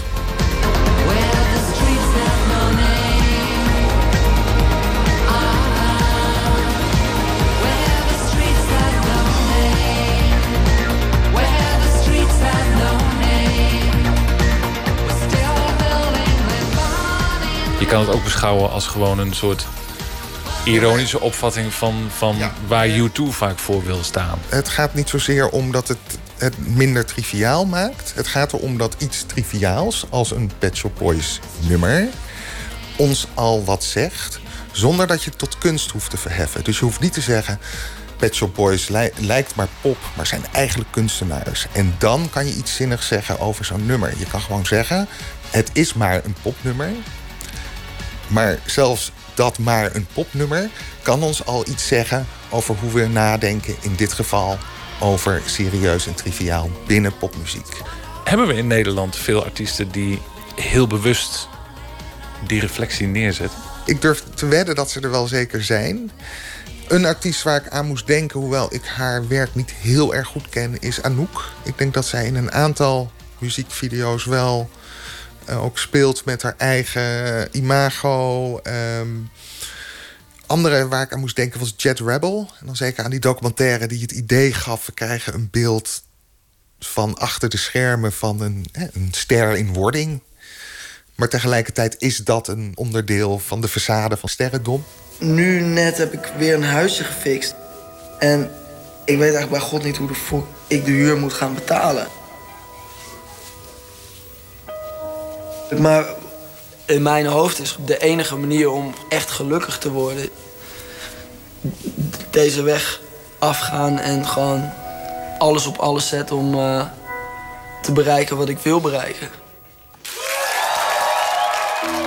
Je ziet eigenlijk hoe die notie van authenticiteit mede geconstrueerd wordt. Door een nieuwe artiest te hebben die uh, populair is, daar dan een documentaire te maken van over van hoe het eigenlijk achter de schermen is. En dat het eigenlijk een heel verlegen jongetje is die dan ontploft op toneel in, in, in een podiumbeest. Dat is een onderdeel van de constructie van die authenticiteit. Dat laat niet zien dat hij authentiek is, maar hij wordt op een zo geconstrueerd dat wij zeggen: oh ja, hij is wel heel erg authentiek. Daarmee zeg ik niks negatiefs, maar dat is hoe popmuziek werkt. Wij moeten als publiek een vorm van authenticititeit herkennen, willen we het tot ons nemen. Wilde ik net vragen, is dat een, is dat een kenmerk van ons Nederlands publiek? Nee, dat is overal zo. Overal moet je mee uitkijken.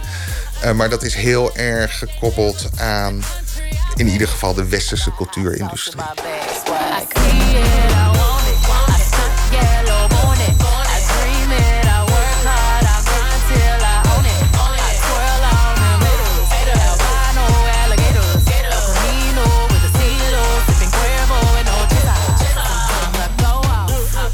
Er is nog een ander interessant punt in dit hele verhaal. En het klinkt als een oud cliché dat dance of disco vooral voor meisjes is. Of voor de homogemeenschap. En de rockmuziek vooral voor mannen. Maar volgens Jaap Kooijman werkt dat door in de wetenschap. En in hoe serieus we bepaalde muziek nemen. Het waren eigenlijk altijd vrouwen die de platen kochten, die de muziek kochten. Maar het zijn altijd mannen die erover schrijven. En en over discussiëren. En erger nog, ze, zij zijn degene die erover discussiëren in plaats van er daadwerkelijk op dansen. Een heel goed voorbeeld was laatst bij De Wereld Draait Door... toen de Lemonade van Beyoncé werd besproken. Eindelijk maakt Beyoncé geen meisjesmuziek meer. Je zag het ook bij de tribute voor David Bowie door Lady Gaga bij de Grammys. Waar het storm van protest opkwam. Hoe kan zo'n zangeres, zo'n popzangeres uh, een tribute brengen aan zo'n icoon. Wat ook een popicoon is, maar van de serieuze popkant. Terwijl Bowie zelf volgens mij een belichaming was van het slechte van die grens. Ja, nee, zeker. En, en toen uh, Let's Dance uitkwam in, ik geloof dat 1983 was, kwam. Uh, oh, David Bowie is een sell-out nu, hè, want hij werkt met Nile Rodgers en heeft een disco-plaat gemaakt. Als je het nu 30 jaar later terugluistert, is het helemaal geen breuk. Ik bedoel, er zitten wel veranderingen, maar het past heel erg in zo'n chameleon met verschillende stijlen, zowel muziekstijlen als visuele stijlen. Hij trok zich niks aan van dat onderscheid.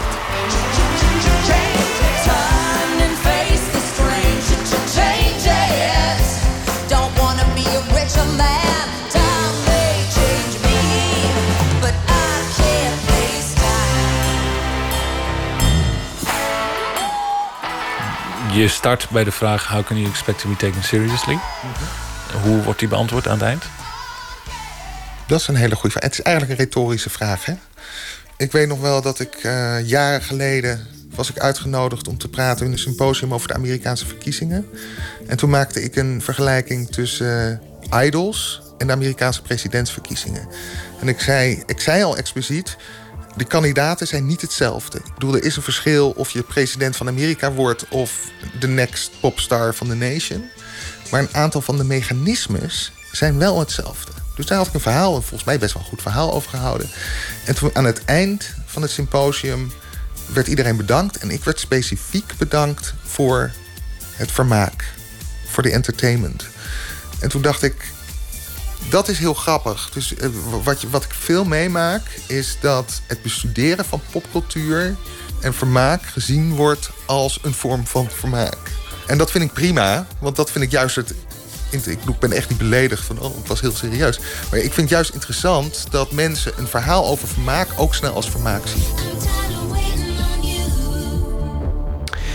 Jaap Kooijman houdt morgen zijn lezing How Can You Expect to Be Taken Seriously in het Academisch Culturele Podium Spui 25 te Amsterdam. Een bijdrage van Jan-Paul de Bond.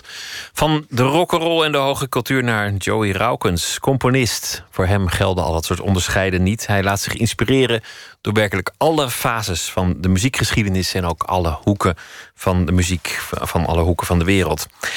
Aanstaande zaterdag wordt de nieuwe compositie Morphic Wave voor het eerst ter wereld uitgevoerd in het concertgebouw in Amsterdam. En we gaan nu luisteren naar een stuk dat hij schreef in 2014. En dat was toen voor de opening van Tivoli Vredeburg in Utrecht. Rising Phoenix.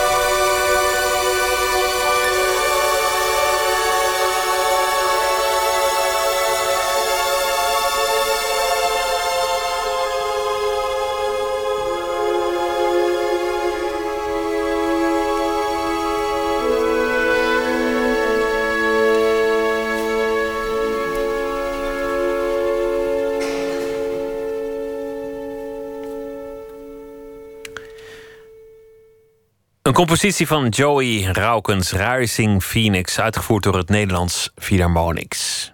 Philharmo Open kaart.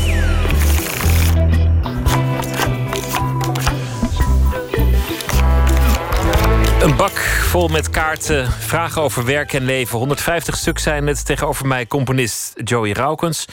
Zijn compositie Morphic Waves beleeft komende zaterdag de wereldpremière in Amsterdam in het Concertgebouw. Hij schreef het eh, stuk ter afsluiting van een jaar als composer in residence bij het Nederlands Philharmonisch Orkest. Raukens studeerde af in 2006 aan het Rotterdamse Conservatorium en is een van Nederlands meest gevraagde componisten. En het werk wordt over de hele wereld uitgevoerd en beluisterd. Hartelijk welkom. Dank je. Dat is natuurlijk een spannend moment. Je hebt iets gecomponeerd. Het is af, maar je hebt het zelf ook nog niet gehoord. Niet gespeeld door een, door een orkest. Dat is zeker een heel spannend moment. Ik ben er ook altijd bloednerveus over. Ik bedoel, morgen beginnen de repetities. Morgen begint de allereerste repetitie. En ja, dat is eigenlijk altijd iets waar, waar je bloednerveus over bent. En wat ook eigenlijk altijd ja, toch wel een beetje ellendig uitpakt. Want het klinkt tijdens een repetitie, tijdens een eerste repetitie nooit zoals jij het je had voorgesteld. Al is dat ook maar omdat tijdens zo'n eerste repetitie muzici vooral nog proberen om hun, ja, om hun partij te lezen. Hè? Want ze, we hebben geen idee hoe hun partij in het grotere geheel valt. En pas later dan zien ze hoe die puzzelstukjes in elkaar vallen en hoe al die partijen samenwerken tot één ja, coherent en betekenisvol stuk. Hoe zit jij daar? Want de, de dirigent die zwaait af, die, die, die begint en iedereen heeft de partituur voor zich. Misschien thuis wel even goed doorgenomen, maar dan begint dat orkest te spelen. En jij bent de componist en je kunt op dat moment even niks klopt. doen. Je hebt het uit handen gegeven en je moet gewoon luisteren op dat moment. En uh, meestal is het gebruikelijk dat jij gewoon ja, aantekeningen bijhoudt. En jij luistert heel goed van wat, wat zijn nou echt hele uh, ja, dringende zaken die, die gewoon anders moeten. Maar je kan inderdaad niet zoveel meer doen. Je kan nog wel tijdens die repetities kleine dingen aanpassen. Je kan bijvoorbeeld zeggen, nou die trompet daar, die vind ik iets te luid. Laten we die wat zachter uh, laten spelen. Of je kan zeggen van, nou misschien één fluit erbij of zo bij, bij die passage. Maar echt grote ingrepen, ja, dat kan niet meer. Dus ja, jij kan met bepaalde kleine aanwijzingen toch zo goed mogelijk proberen om die uitvoering een beetje te sturen in de richting die het wil hebben. Maar voor de rest is het gewoon afwachten en hopen dat die uitvoering uiteindelijk ja, een beetje uh, iets bevredigends brengt. Iets waarvan jij denkt, daar kan ik achter staan. Dat is natuurlijk ook het, het moeilijke van componeren. Je hoort wel iets op de piano, je kunt het spelen. Je hoort misschien iets in een computer waar je in werkt. Ja. Dat kan tegenwoordig, maar verder gebeurt het voornamelijk in jouw hoofd. Ja, klopt. Je vertrouwt vooral op je eigen uh, voorstellingsvermogen. En natuurlijk soms op een, ja, soort MIDI mock-up versie van de computer. Ik werk met het notatieprogramma Sibelius. En daar heb je van die hele goedkope, ja, blikkerige synthesizer geluidjes, MIDI geluidjes. Dus dat geeft wel een soort van indruk. Maar die zijn ook heel vertekenend. En uiteindelijk heb je dus je interne gehoor waar je het meest op moet vertrouwen. En zelfs die ja, dat is ook niet feilloos. Dus er zijn altijd dingen die je anders had voorgesteld, die anders werken. Miscalculaties, met name als het gaat om balans. Want dat is ook iets wat, wat bij een groot orkest, hè, dat, dat werkt gewoon. Dat zijn altijd dingen die problematisch zijn. Het is mooi dat, dat, dat Mozart en Stravinsky en Bach dat diezelfde emotie moeten hebben doorgemaakt bij hun grote composities als het voor het eerst werd uitgevoerd. Die Ja. moeten diezelfde spanning hebben gekend. Nou is het natuurlijk wel zo dat eh, bij Mozart was die taal eh, wat overzichtelijker. Hè? En mensen waren veel vertrouwder met die taal. Je zou het een beetje kunnen vergelijken met zoals nu de gemiddelde persoon eh, vertrouwd is met de klank van popmuziek. En bij nieuwe klassieke muziek is, is natuurlijk iedere componist heeft een eigen stijl. Ik bedoel, er zijn geen ismes meer. Er zijn geen algemene ja, muzikale referentiekaders meer binnen de hedendaagse klassieke muziek. Er is niet één punt waar iedereen zich bevindt op de tijdlijn van de klassieke muziek. Nee, nee, precies. Er is niet één gemeenschappelijk soort taal die iedereen meteen begrijpt, zoals dat in Mozart's tijd wel was. En, en dat maakt het nog extra moeilijk. Dus eh, ja, daardoor hebben die muzici al helemaal geen idee van ja, wat, wat- wat- die moeten eerst nog gewoon die taal zien, zien te doorgronden. Dat vind ik het mooie aan, aan, aan jouw houding. En ik, ik weet eigenlijk niet of het helemaal maar klopt, maar dat alles naast elkaar bestaat. Ja. Dat in jouw muziek, de, de popmuziek, Dat maar ook zeker waar. alle stromingen die er zijn geweest in de muziekgeschiedenis gewoon gebruikt kunnen worden. Het is, het is één grote, eh, nou ja, één groot palet waar je uit kunt putten. Maar dat is ook een beetje mijn houding. Ik vind ook dat dat past bij deze tijd. Ik bedoel, we leven in een hele uitzonderlijke tijd. In zoverre dat nog nooit eerder zoveel verschillende stijlen en genres van muziek beschikbaar zijn. Alle tijden, alle stijlen zijn eigenlijk binnen een paar muisklikken beschikbaar voor een componist. En op die manier vormen ze ook allemaal onderdeel van de muziek die jou vormt. En ik denk uiteindelijk wat jij schrijft, dat is toch een reflectie van, van alle muziek die jou ook gevormd heeft. Dat, dus dat, jij kunt dat- iets, iets putten eh, uit barok tot aan hedendaags. Tot aan techno klassiek, bijvoorbeeld, tot ja. achttoons, viertoons, techno, Absoluut. noem maar op. Alles, van, middel, van middeleeuwse muziek tot aan hedendaagse eh, elektronische dancemuziek. Je moet natuurlijk wel streven naar iets wat authentiek is en waarvan je denkt: dit is. eh, ja, er moet wel een zekere logica in zitten in wat je maakt. Daar streef ik wel altijd naar. Dat je een logisch en organisch stuk schrijft. En ik ben niet zo geïnteresseerd in alleen maar een beetje st- stilistisch zappen. op een hele vrijblijvende manier. Dus Het, moet, het moeten geen citaten worden. Het moet niet een soort, soort seppen tussen nee, dat, dat is en heel erg omgevingen worden. postmodernistisch inderdaad. Maar ik ben meer iemand die, als ik het gebruik... dan is het omdat ik het oprecht wil gebruiken. Omdat het onderdeel is van mij. Omdat het, het is onderdeel van mijn muzikale DNA. En niet omdat ik gewoon maar een citaat wil gebruiken... omwille het citeren. Of als een soort satirisch of parodistisch eh, eh, eh, citeren of becommentariëren. Dat vergt veel van een componist. Als je, als je het en compositorisch interessant wil maken... je wil niet zomaar iets nee. overal vandaan halen. Je wil, wilt één geheel laten Ja. zijn. Echt een coherent stuk met, met een verhaal. En ertussen putten uit Dat de is hele waar. wereldgeschiedenis. Dan, dan moet je van goede huizen komen. Ik denk dat dat ook de grote worsteling is van veel componisten van mijn generatie. Je ziet het eigenlijk ook bij meerdere componisten, ook internationaal, die, die wat jonger zijn. Laten we iemand als Thomas Adès, voor wie ook die hele muziekgeschiedenis eigenlijk één, ja, één groot arsenaal aan tools is waar je eigenlijk ja, ongedifferentieerd uit kunt putten. En dan komt het inderdaad aan op ja, toch de, de kracht van de componist om daar iets ja, persoonlijks of authentieks, of in ieder geval iets met zeggingskracht van te maken. Met sterke ideeën en die, die goed uitwerken. Ja, ja zeker. Laten we beginnen met eh, de kaart, het spannende Oké, onderdeel. ik ben heel benieuwd. Hier zijn ze. Ik wil je vragen om ergens één maar te ik zie, trekken. ik zie hier al... eh, Ik, ik moet Nou, dus trek niet maar andersom. al- trek maar halverwege ergens. Oké. Want ik schud nooit zo goed ook. Wat wilde je worden toen je 13 was? Ik denk dat ik toen eigenlijk al componist wilde worden. Zo jong al? Dat wist ik zo jong al. Ik was al heel jong geïnteresseerd in klassieke muziek. Eh, eigenlijk was dat denk ik bij toeval. Mijn, want mijn ouders, dat zijn geen muzici. Het zijn zeker niet echt specifiek liefhebbers van klassieke muziek. Mijn moeder had wel cd's van Music for the Millions. Dus echt de geëikte klassieke muziek-cd's. Eh, ja, en die vond ik blijkbaar al heel mooi. Misschien al toen ik een jaar of acht was, denk ik. Wat natuurlijk ook scheelde was, ik zat toen ook al pianoles. Eh, dus, dus ja, die liefde voor muziek die wordt dan ook met die pianoles al aangewakkerd. En ik begon ook al rond mijn negende of zo stukjes voor piano te schrijven. Dus dat, dat was voor mij ook iets heel natuurlijks, zoals een ander kind tekeningen maakt. En ja, dus toen ik 13 was, toen bleef ik op die lijn verder gaan. En ik las op dat moment ook al heel veel over, over componisten. En ik weet nog wel dat ik op een gegeven moment had ik een boek met biografieën over klassiek componisten.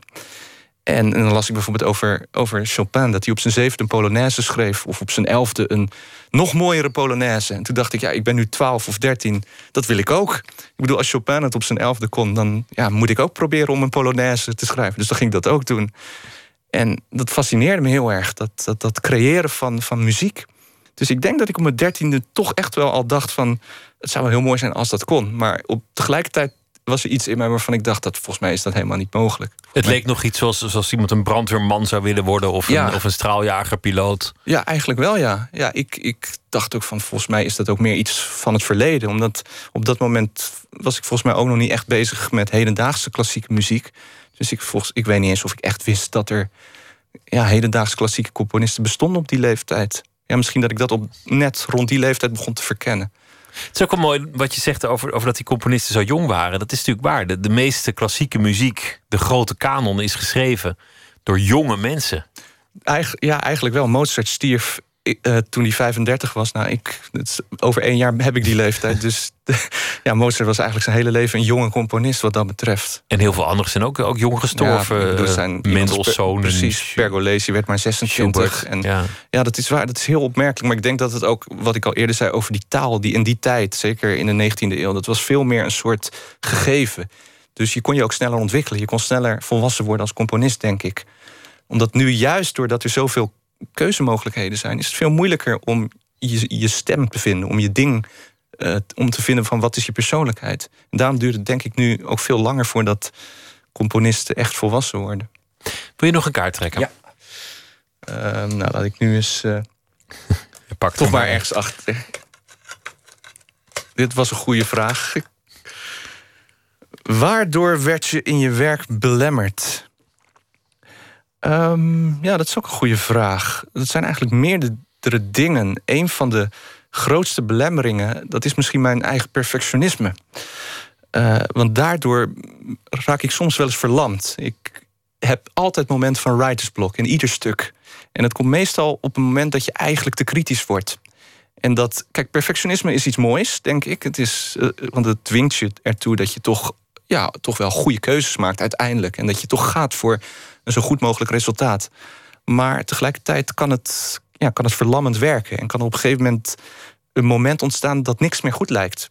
En dan kom je in een soort ja, in een soort visueuze cirkel terecht, lijkt het wel. Want dan... Terwijl als je kijkt naar de hele grote componisten, dan is vaak het idee in aanvang, de, Mhm. de melodie of het thema, Ja. van een briljante eenvoud. Zo Dat is- briljant dat je er misschien aan voorbij zou kunnen gaan. Als je te veel. Daar zit best wel wat in. Ik bedoel, als je het bekende thema van Beethovens 9e symfonie alle mensen weer de broeder. Du, du, du, du, du, du, du, Dat is bijna kinderlijk eenvoudig. En ik denk dan toch dat, het, eh, ja, dat, dat je dan een grote geest moet hebben om te zien van wat de potentie is van het thema. Dat je dat kan uitwerken tot zoiets magistraals als de negende symfonie van Beethoven. Eh, maar ik denk dat, ja, dat heel veel componisten toch wel ook last hebben van ja, dat idee van, van moet heel goed het moet heel goed zijn. En daar komt dan ook bij dat ik... Ja, ik ben niet denk ik de meest zekere componist. Je hebt componisten die lijken alles goed te vinden wat ze doen. En die vinden zichzelf heel geweldig. En ik denk eigenlijk van het kan altijd beter. En eh, ik ben nooit tevreden ook. En tegelijkertijd is dat ook weer een soort, ja, een soort stimulans... om weer bij een volgend stuk te denken... ik ga het nu weer beter doen. Maar daar moet je dus wel voor uitkijken... dat dat, dat perfectionisme niet belemmerend gaat werken. En een ander iets waardoor je werk belemmerd kan worden... is als je uitvoerenden hebben die geen snars van je werk begrijpen.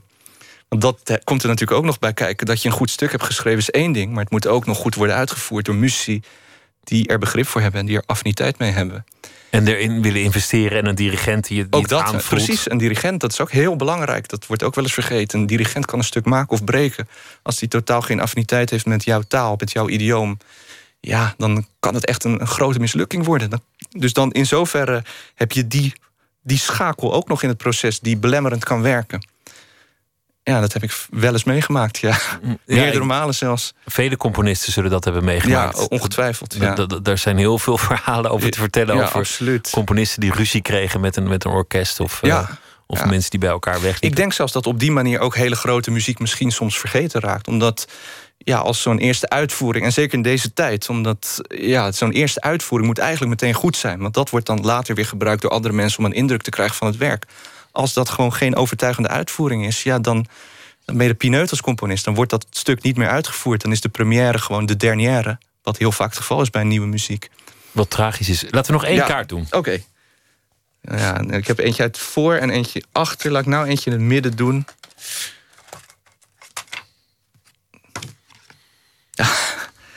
dat is inderdaad de, de minst. eh, de vraag waar ik het minst eh, mee heb, denk ik. Heb je een levensmotto? Nee, ik geloof eigenlijk niet zo in levensmotto's. Omdat vaak als je eentje hebt, dan vroeg of laat merk je dat je daar niet aan kan houden. Kijk, er zijn heel veel van die one-liners, van die tegeltjes, wijsheden, waarvan ik denk, ja, dat zijn wel mooie dingen. Ehm, ja, heb ik een levensmotto? Nou, misschien leef in het moment. Dat is natuurlijk een beetje ook een cli- cliché-achtig levensmotto. Maar zeg maar, leef in het nu, leef in het moment. En dan, alleen dan zie je ook de schoonheid om je heen. Want dat is wel iets wat ik heel erg merk. Dat als je. Ik vind het heerlijk om gewoon in het park te gaan liggen eh, en niks te doen. Even mijn hoofd helemaal leeg te maken. En, en gewoon echt het idee te hebben van ik ga nu de kunst van het niets doen in de praktijk brengen. En echt gewoon even in het nu leven. En dan, ja, dan, dan zie je ook allerlei ja, schoonheid om je heen, zou ik maar zeggen. Gewoon eh, mensen in het park. Ja, dat klinkt allemaal heel erg klef en zo. Maar, Nee, nee, dat klinkt heel verstandig. Eh, het dat- lijkt een beetje op wat Lisbeth List net vertelde over Krishnamurti. Iets ja, soortgelijks. Ja, precies. Dat, dat is het. Ik heb wel het idee dat mensen heel erg tegenwoordig... Ja, we hebben natuurlijk een heel jachtig bestaan. En we leven heel erg van verleden naar toekomst. We zijn altijd maar bezig, wat gaan we straks doen? Wat hebben we gedaan in het verleden? En wa- wat moeten we beter doen? We slaan het heden wel eens een beetje over, heb ik het idee. Dat zie je ook op vakanties. Dat, ja, dat pas in retrospect denk je, ja, wat was dat toch mooi, die, die, die vakantieervaring. Maar op het moment zelf, dan Ben je ja, alweer dan ben je bezig alweer met bezig met wat ga ik doen als ik terug ben van vakantie. Ja, en zo. en hoe Dus- kom ik hier vandaan en, Ja, en, en is de bus niet te laat. En je, je- Dus misschien dat dat iets is wat ik wel probeer in de praktijk te brengen. Op, eh, en eh, ja, Doe het vooral zaterdag. Als het zover is, geniet van eh, dat mooie moment. Ik ga mijn best doen. Want het is bijzonder als een stuk eh, voor het eerst wordt uitgevoerd. Ja, dat is Morphic Waves, aanstaande zaterdag de wereldpremière in het Concertgebouw in Amsterdam. Joey Raukens, dankjewel. ja, graag gedaan. Bedankt ook. 2016 is in de rock'n'roll ook een jaar van jubilea. Bijvoorbeeld eh, 50 jaar geleden Pet Sounds van de Beach Boys. 40 jaar geleden het eerste album van de Ramones. 20 jaar geleden het eerste album van het Franse duo Air. En daar gaan we dan iets van draaien. We draaien Kelly Watch the Stars.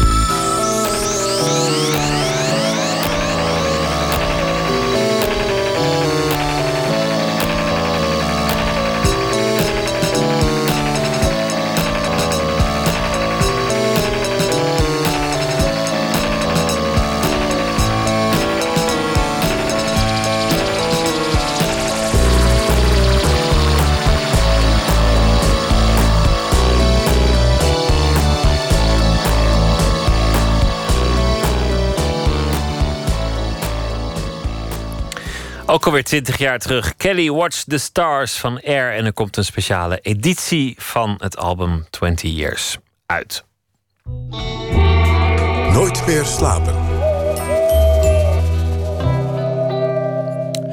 Burning Man Festival. U kent vast de foto's. We komen er straks eh, over te spreken hoe die foto's er precies uitzien voor wie het niet meteen paraat heeft. Maar het is altijd een eh, bijzonder gebeuren. En Inge Terschuren is nachtcorrespondent. En die heeft groot nieuws over dat Burning Man Festival. Welkom Inge. Ja, dat eh, klopt inderdaad. Want dat legendarische Burning Man Festival... dat komt naar Nederland.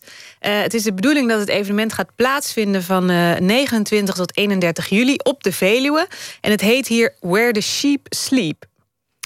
Ja, het, het, festival is ook vooral bekend van de foto's die daarna nog maanden circuleren op de sociale media. Een, een, een, naakte man in een woestijn met een cowboyhoed op. Of, of mensen op gekke fietsen of op een soort reuzenrad. Het ziet er altijd uit alsof je een andere planeet aan het observeren bent. Wat, wat is het nou eigenlijk voor festival? Um, ja, het is uh, een Amerikaans festival. Het bestaat uh, nu een jaar of dertig. Midden in de woestijn in Nevada. En uh, mensen die zijn uren of soms wel dagen onderweg om er te komen. Uh, en je moet je voorstellen dat er normaal gesproken helemaal niets is op die plek. Uh, het festival duurt een week. En aan het einde van het festival wordt ook altijd zo'n hele grote houten pop verbrand. Ik geloof van wel uh, 30 meter hoog. Die, die beelden zijn ook heel bekend. Um, en de bezoekers die moeten overal zelf voor zorgen. Voor hun slaapplaats, voor hun eten en drinken, voor het vermaak. Uh, het idee is dat er daardoor een uh, soort alternatieve tijdelijke samenleving ontstaat. En dat mensen hun creativiteit de vrije loop kunnen laten. en wereldreiziger Floortje Dessing die bezocht het Burning Man Festival drie jaar geleden... voor het televisieprogramma van Johnny de Mol. En zij vertelt wat de magie ervan is. Het is een beetje moeilijk te omschrijven, maar je kan wel zeggen dat op Burning Man komt de meeste creativiteit op aarde samen die je maar kan bedenken. is, je ziet, er zijn, wat is het, 70.000 mensen, 65.000 mensen. En die komen allemaal om, om iets bijzonders mee te maken. En die brengen ook allemaal iets mee. Ze kunnen iets. Dus als je daarheen gaat, dan doe je iets. Je doet een, een act of je deelt iets uit of je. je Um, je bouwt iets wat je daar neerzet. Dus het is één en al creativiteit. Je, je, bent gewoon omgeven door creativiteit. En dat vond ik zo bijzonder. Ik heb dat echt nog nooit ergens anders op die schaal gezien. Klinkt natuurlijk prachtig. Een alternatieve samenleving vormen. Alles uit het niets opbouwen. En dan krijg je een, een nieuwe gemeenschap. Werkt dat nou wel zo in praktijk? Of wordt het gewoon een bende? Nou, volgens uh, Floortje Dessing uh, werkt het wel zeker zo, ja. Ja, dat werkt absoluut zo. Het enige wat je kan kopen is ijs en koffie. Uh, dus ijs om je drankjes te koelen. De rest moet je allemaal zelf meenemen of wordt weggegeven. Dus als je bijvoorbeeld s'avonds gaat dansen en er is een bar, dan is er gewoon gratis drank. En dat is niet bedoeld dat je daar gaat freeloaden en je helemaal een, een stuk in je kraag drinkt. Maar het is wel bedoeld om echt een andere maatschappij te creëren dan op de rest van de wereld. Het is gewoon, iedereen geeft en neemt zonder daarbij na te denken. En iedereen heeft ook gewoon manieren en is netjes en pakt niet te veel en geeft ook terug. Het is een beetje, beetje eigenlijk de ideale samenleving. Er is koffie, dat is het goede nieuws alvast. En, en de rest, dat, dat komt dan wel. Nu komt het naar Nederland. Nou is het, hebben we in Nederland geen woestijn... waar je uren afgezonderd van de, de rest van de wereld zit. Maar verder willen die Nederlandse organisatoren hetzelfde bereiken als, als het grote voorbeeld in, in Amerika. Ja, zeker. Ze zijn ook uh, erkend door de Amerikaanse organisatie als uh, nou, officiële Burning Man uh, partner. Dus daar zijn ze best wel een beetje trots op. Um, en het, het, is voor hen meer dan het evenement. Het is echt een manier van leven die ze willen doorgeven. En ze hebben tien basisprincipes, die nou ja, dus de basis vormen voor die manier van leven. Ik sprak met een van de initiatiefnemers, Gabi Thijssen, en zij noemt er een paar. Nou ja, een van de belangrijkste is natuurlijk onvoorwaardelijk geven. Ecologische verantwoordelijkheid, zo kent Burning Man Leave No Trace. Wat eigenlijk inhoudt dat uh, ook op Burning Man Amerika, en zo zullen wij het ook in Nederland doen, je eigenlijk geen afval vindt. Zelfs een sigarettenpeuk zul je niet op de grond aantreffen. En uh, uh, ja, radicale inclusie, wat inhoudt dat eigenlijk Burning Man openstaat voor iedereen die geïnteresseerd is en zich eh, en deze principes wil uitdragen tijdens een evenement. Ja, iedereen is uh, in principe welkom dus. Uh, nu zag ik dat er uh, heel veel mensen interesse hebben om te komen. Op internet gaat het al flink rond. terwijl er op het festival maar plek is voor 750 mensen. maar voor iedereen die teleurgesteld is en geen kaartje kon bemachtigen... ze hebben zeker de intentie om flink te groeien... en allerlei soorten evenementen door het hele land te gaan organiseren. In de VS komen gemiddeld zo'n 70.000 mensen naar de, naar de woestijn toe, heb ik begrepen. Dus dit, dit wordt wel een heel kleine variant op de Veluwe. Ja, dat klopt. Het wordt uh, wel een andere vorm. Ze proberen wel de sfeer van Burning Man te benaderen natuurlijk. Maar hier zal niet precies hetzelfde mogelijk zijn. Uh, zoals ik net al vertelde, wordt in Amerika aan het einde van die week... zo'n hele grote houten man van 30 meter hoog verbrand. Nou ja, dat gaat je op de Veluwe natuurlijk niet lukken. Maar de organisatoren hebben daar wel een creatieve oplossing voor... vertelt Gabi Thijssen. Wij hebben al tijdens onze decompressions een kunstenaar die zijn uh, creatie meeneemt. En dat is Kevin. Dat is een uh, container die zich ontvouwt uh, van 3 bij 3 tot 6 meter hoog. En dat is een man die een propaanshow zeg maar laat zien. En die, ehm, ja, dat is onze man. En op die manier kiezen wij voor alternatieven. Daarnaast is het ook zo dat onze gemeenschap echt heel ja, zeg maar, respectvol is voor omgeving. En uh, ja, iedereen begrijpt ook dat je niet zomaar dingen kunt verbranden. Dus uh, uh, ja, daar zullen wij inderdaad in verschillen. Is het werkelijk heel anders dan andere evenementen in Nederland? Want, want op Lowlands en Into the Great Wide Open en al die andere festivals gebeurt het, hoewel de catering verzorgd is, natuurlijk ook al een beetje. Ja, en daar heb je natuurlijk wel altijd een programma waar vaststaat wat er gaat gebeuren. En hier moet echt alles uit de uh, bezoekers zelf komen. Maar inderdaad, wat je zegt, Lowlands was natuurlijk wel het allereerste festival waar het ook echt ging om de, om de community en om uh, mensen samenbrengen die samen iets bijzonders vormen. Uh, ik heb even gebeld met Lowlands-directeur Erik van Eerdenburg. En hij vertelde me hoe daar zo'n mini-samenleving tot stand komt. Nee, een van de dingen is, is, is natuurlijk dat je, dat je uh, geen dagkaart verkoopt, maar dat je uh, drie dagen kaarten alleen nog verkocht. De, volle naam van, van Lowlands is A Camping Flight to Lowlands Paradise. Dus dan ga je samen op de camping flight naar Lowlands toe. En je gaat van donderdagavond tot maandagochtend je daar onder de pannen. En iedereen die geraakt zo langzamerhand in dezelfde sfeer. Het uh, Burning Man Festival krijgt een Nederlandse editie... Where the sheep sleep, waar de schapen slapen. Inge ter Schuren, dankjewel. Goeienacht. Uit Ierland komt Lisa Hannigan. Ze maakt uh, furores naast collega-zanger Damien Rice. Binnenkort verschijnt een nieuw album, At Swim... waarvan we gaan draaien Prayer for the Dying.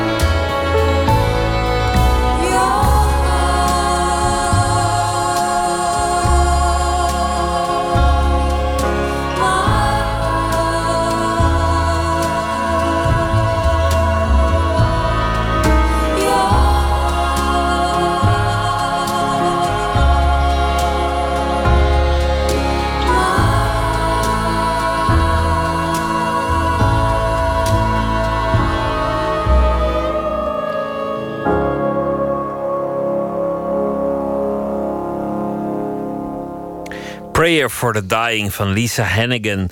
Saskia Steenhouwer is dichter en zal deze week elke nacht een gedicht uitkiezen en voordragen. Haar uh, tweede bundel Vrije Uitloop zal dit najaar verschijnen trouwens. Ze heeft vannacht gekozen voor een gedicht met als titel Afspraak 3 van Thomas Molman.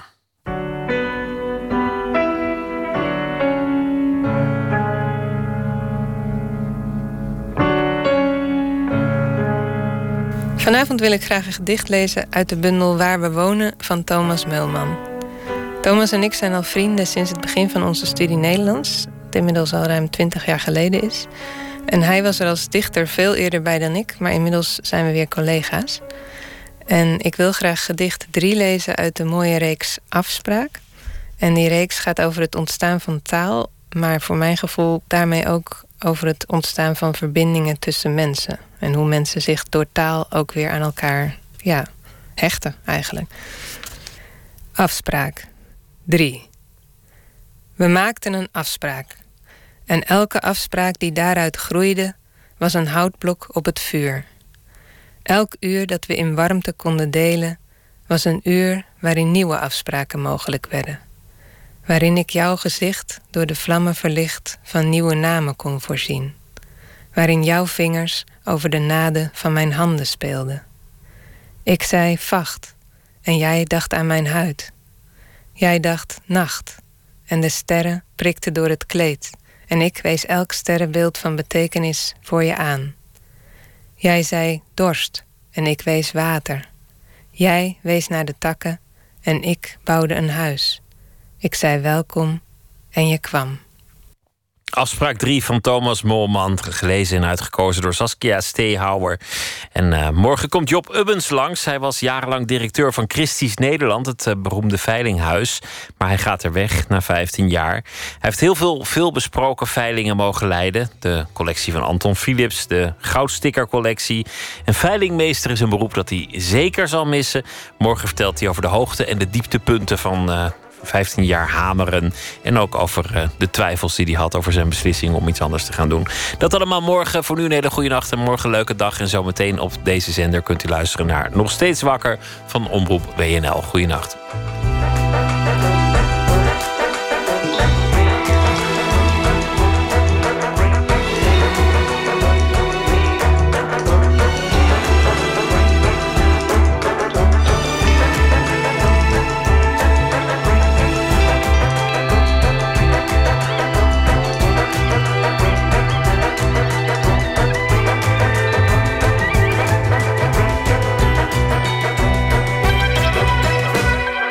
Radio 1.